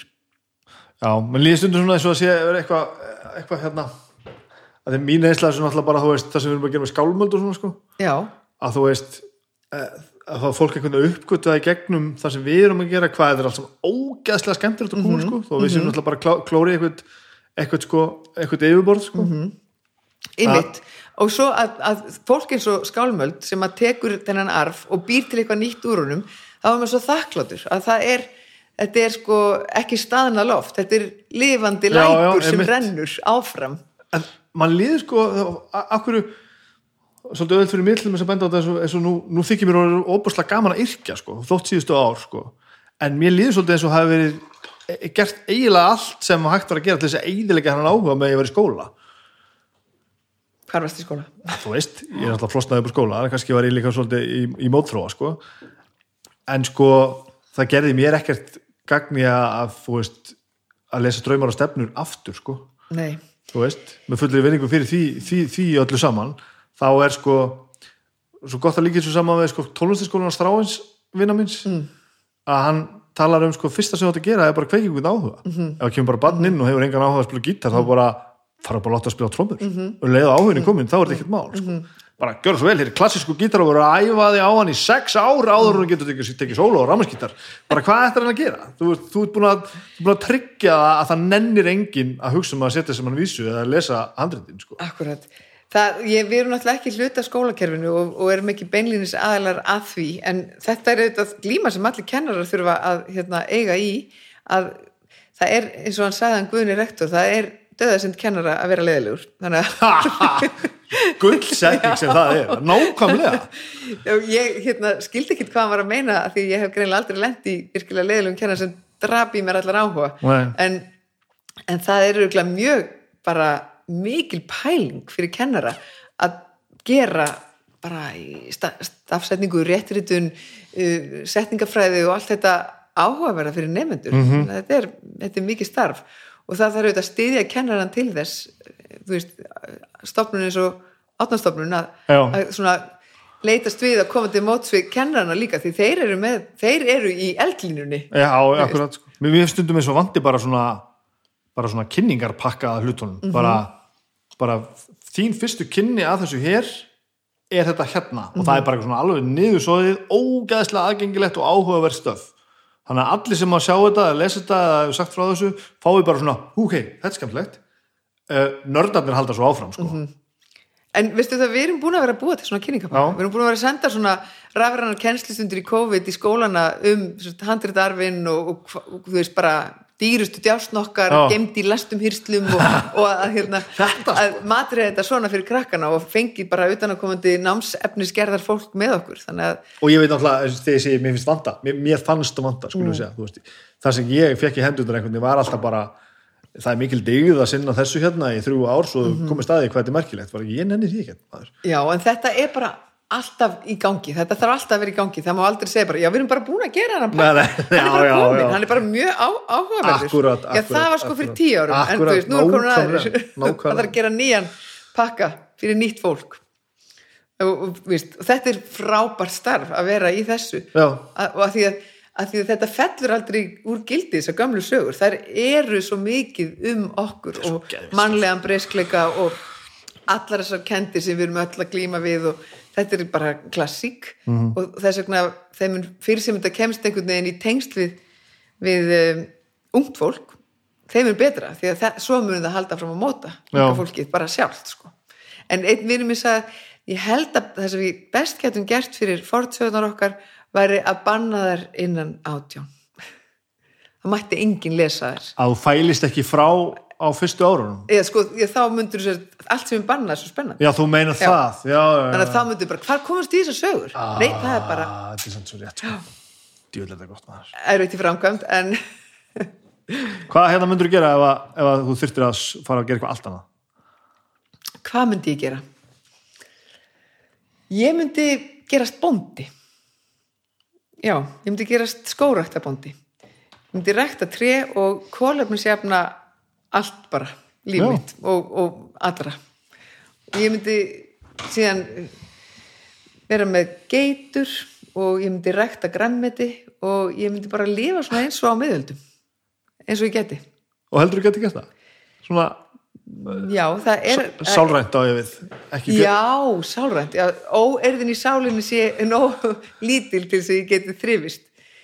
Mm, nei, það er auðvitað mesta, það, það er mesta spurningin. en ég myndi auðvitað vilja vera í samfélagi. Ég er ekki sko einbúi eða, eða hermíti sem að vil einangra sig. Ég er ekki þannig, en, en ég, mér bara líður betur og betur úti og í náttúrunni en þetta er auðvitað bara tímaskeiði sem ég er á ég menn þetta er bara hormónasveifluna mína núna, eru bara að kalla eftir þessu. Já, já. bara alveg svo hormónasveiflur unglingana mína kalla bara eftir að vera alltaf með öðrum unglingum og vera bara með þeim, bara það sem þau eru að gera. Mm. svona er þetta fyndið. Mist kannski þetta hormónasveiflu tímabil okkar hérna miðaldrafólksins ekki hafa fengið nægilega mikið mik mikið fókus og, og skilninga veist, við breytum strömmurlega upplýðum mig á svo miklum krosskötum Mm. ég bara áhuga mál mín er að breytast. Ég bara hef ekki lengur áhuga á því sem ég hafði áhuga áður. Það, en, hugsaðu hvað er gott samt að geta átt að sjá því að síða það ekki ströggla ekki við þetta endanust áfram sko. já, já, þú þú veist, og einhver var að spyrja, hvað myndur þú vilja fá hérna í amælskjöf ég myndi vilja fá góð stígvél og hjólbörur. Ó. það myndi gle- gleða mig. Þú veist, það sýnir svona hvert maður er komin og þetta, ég er bara sátt sko. Það er gott. Ég ætla að sleppa þær í golf tímabært, vá, ekki? jú þetta er gaman. Já, takk fyrir, hérna, alveg bara indislegt. Mjög, þú klippir náttúrulega eitthvað, eða ekki, út. Nei, Ekki þegar ég fyrir klóstið. jú, það. Ég klippi það út, uh, restina klippi ég ekki neitt. En svo er alveg svona þögn bara það sem ég glemdi hvað, eitthvað sem þetta er börni mín. Já, þetta er bara ekki, Þetta er bara bara ekki, það skiptir bara einhver máli, sko. ok. Fólk er bara hérna með okkur, sko. Já, ég er nefnilega einu sinni, þá barðist ég mjög mikið fyrir því að gamall maður sem ég var að tala við um skipskaða sem hann lendi fengi að hafa 19 sekundna þögnina inn Já. í viðtalstætti. Þetta er það. Já, en nú er það komið. Ég fekk það ekki, sko. Það er bara, nei, við getum ekki haft 19 sekunda þögn. Mér fannst það svo indislegt, það var svo fallegur að meðan að vara, Var, var þetta í sjóvarp? já, það var En þetta stöð er, en þetta er, geðveitt sjóvarp. það var bara alveg bara á fullu bara, bara að hugsa hvernig hann ætlaði að svara spurningunni. Þetta er að fallegast þessu öllu saman. Já, þetta var svo fallegt. Hann var afgamall og var að rifja upp eitthvað mjög erfitt sinna slís sem hann lendi í skipskaða og þetta var tekið. Það verður ekki tekið úr þessu. Nei, Það var frábært. Nei, heyrðu, en ég sé að veðrið fyrir golf er alveg bara príðilegt. Já. Ert þú í golfi líka? Nei, ég er ekki í golfi. Nei, en þú horfir á golfvöldu mikið. Ég horfi á golfveitur og labbi kringum hann. Já, Herðu, takk fyrir að tala um mig.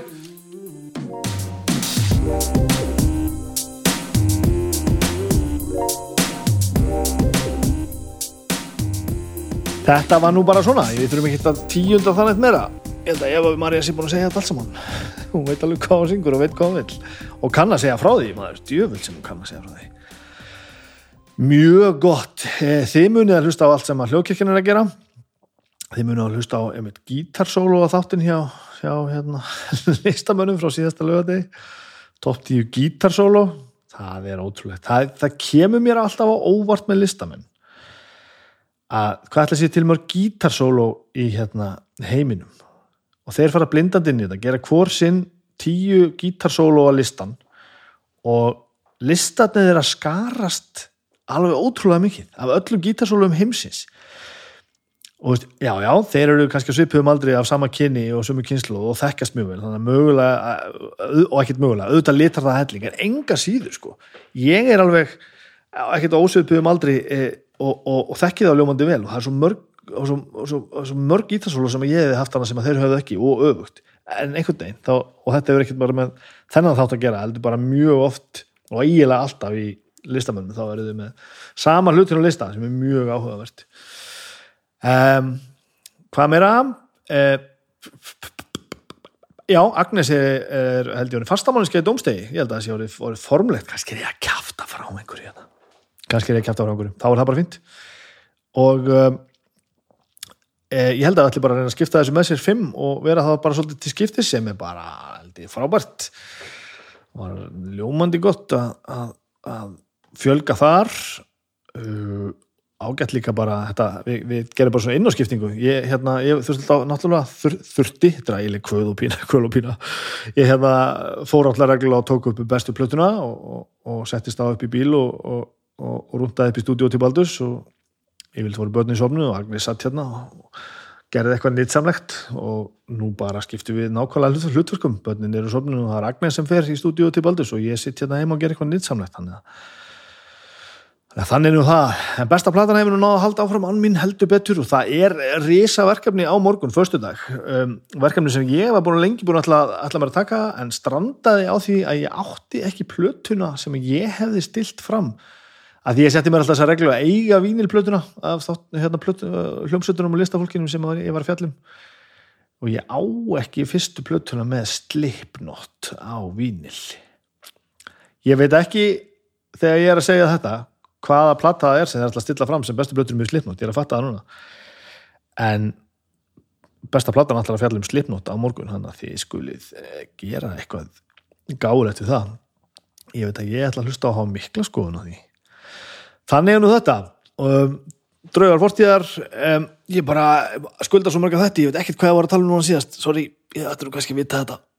Það eru bara ekki nóg mæki klukkutímar í heiminum hjá mér en ég veit að þess að drauga fortíður að verða á sviðinu á Hurra 5. daginn 7. oktober gæti verið orðið uppselt því miður Ljóta lögutan á græna hattinum 8. 1. daginn 8. oktober og lögutan 9. oktober þannig að tekja á miðum þar það er held ég auðvitað að fara bara græni hattinum.is til þess að aðtöfa með miðana þar e, svo bara held ég að þetta sé komið sko ég þakka bara Simonu Pei og Sjófá eins og alltaf fyrir að, fyrir að standa vakt, vaktina með mér og nú ætlum ég bara að pakka saman og Þetta var allt mjög gott. Mér líður ægilega vel. Ég er í ægilu stuði. Lífið er gott. Hafið það hryllilega gott angað til næst. Bye.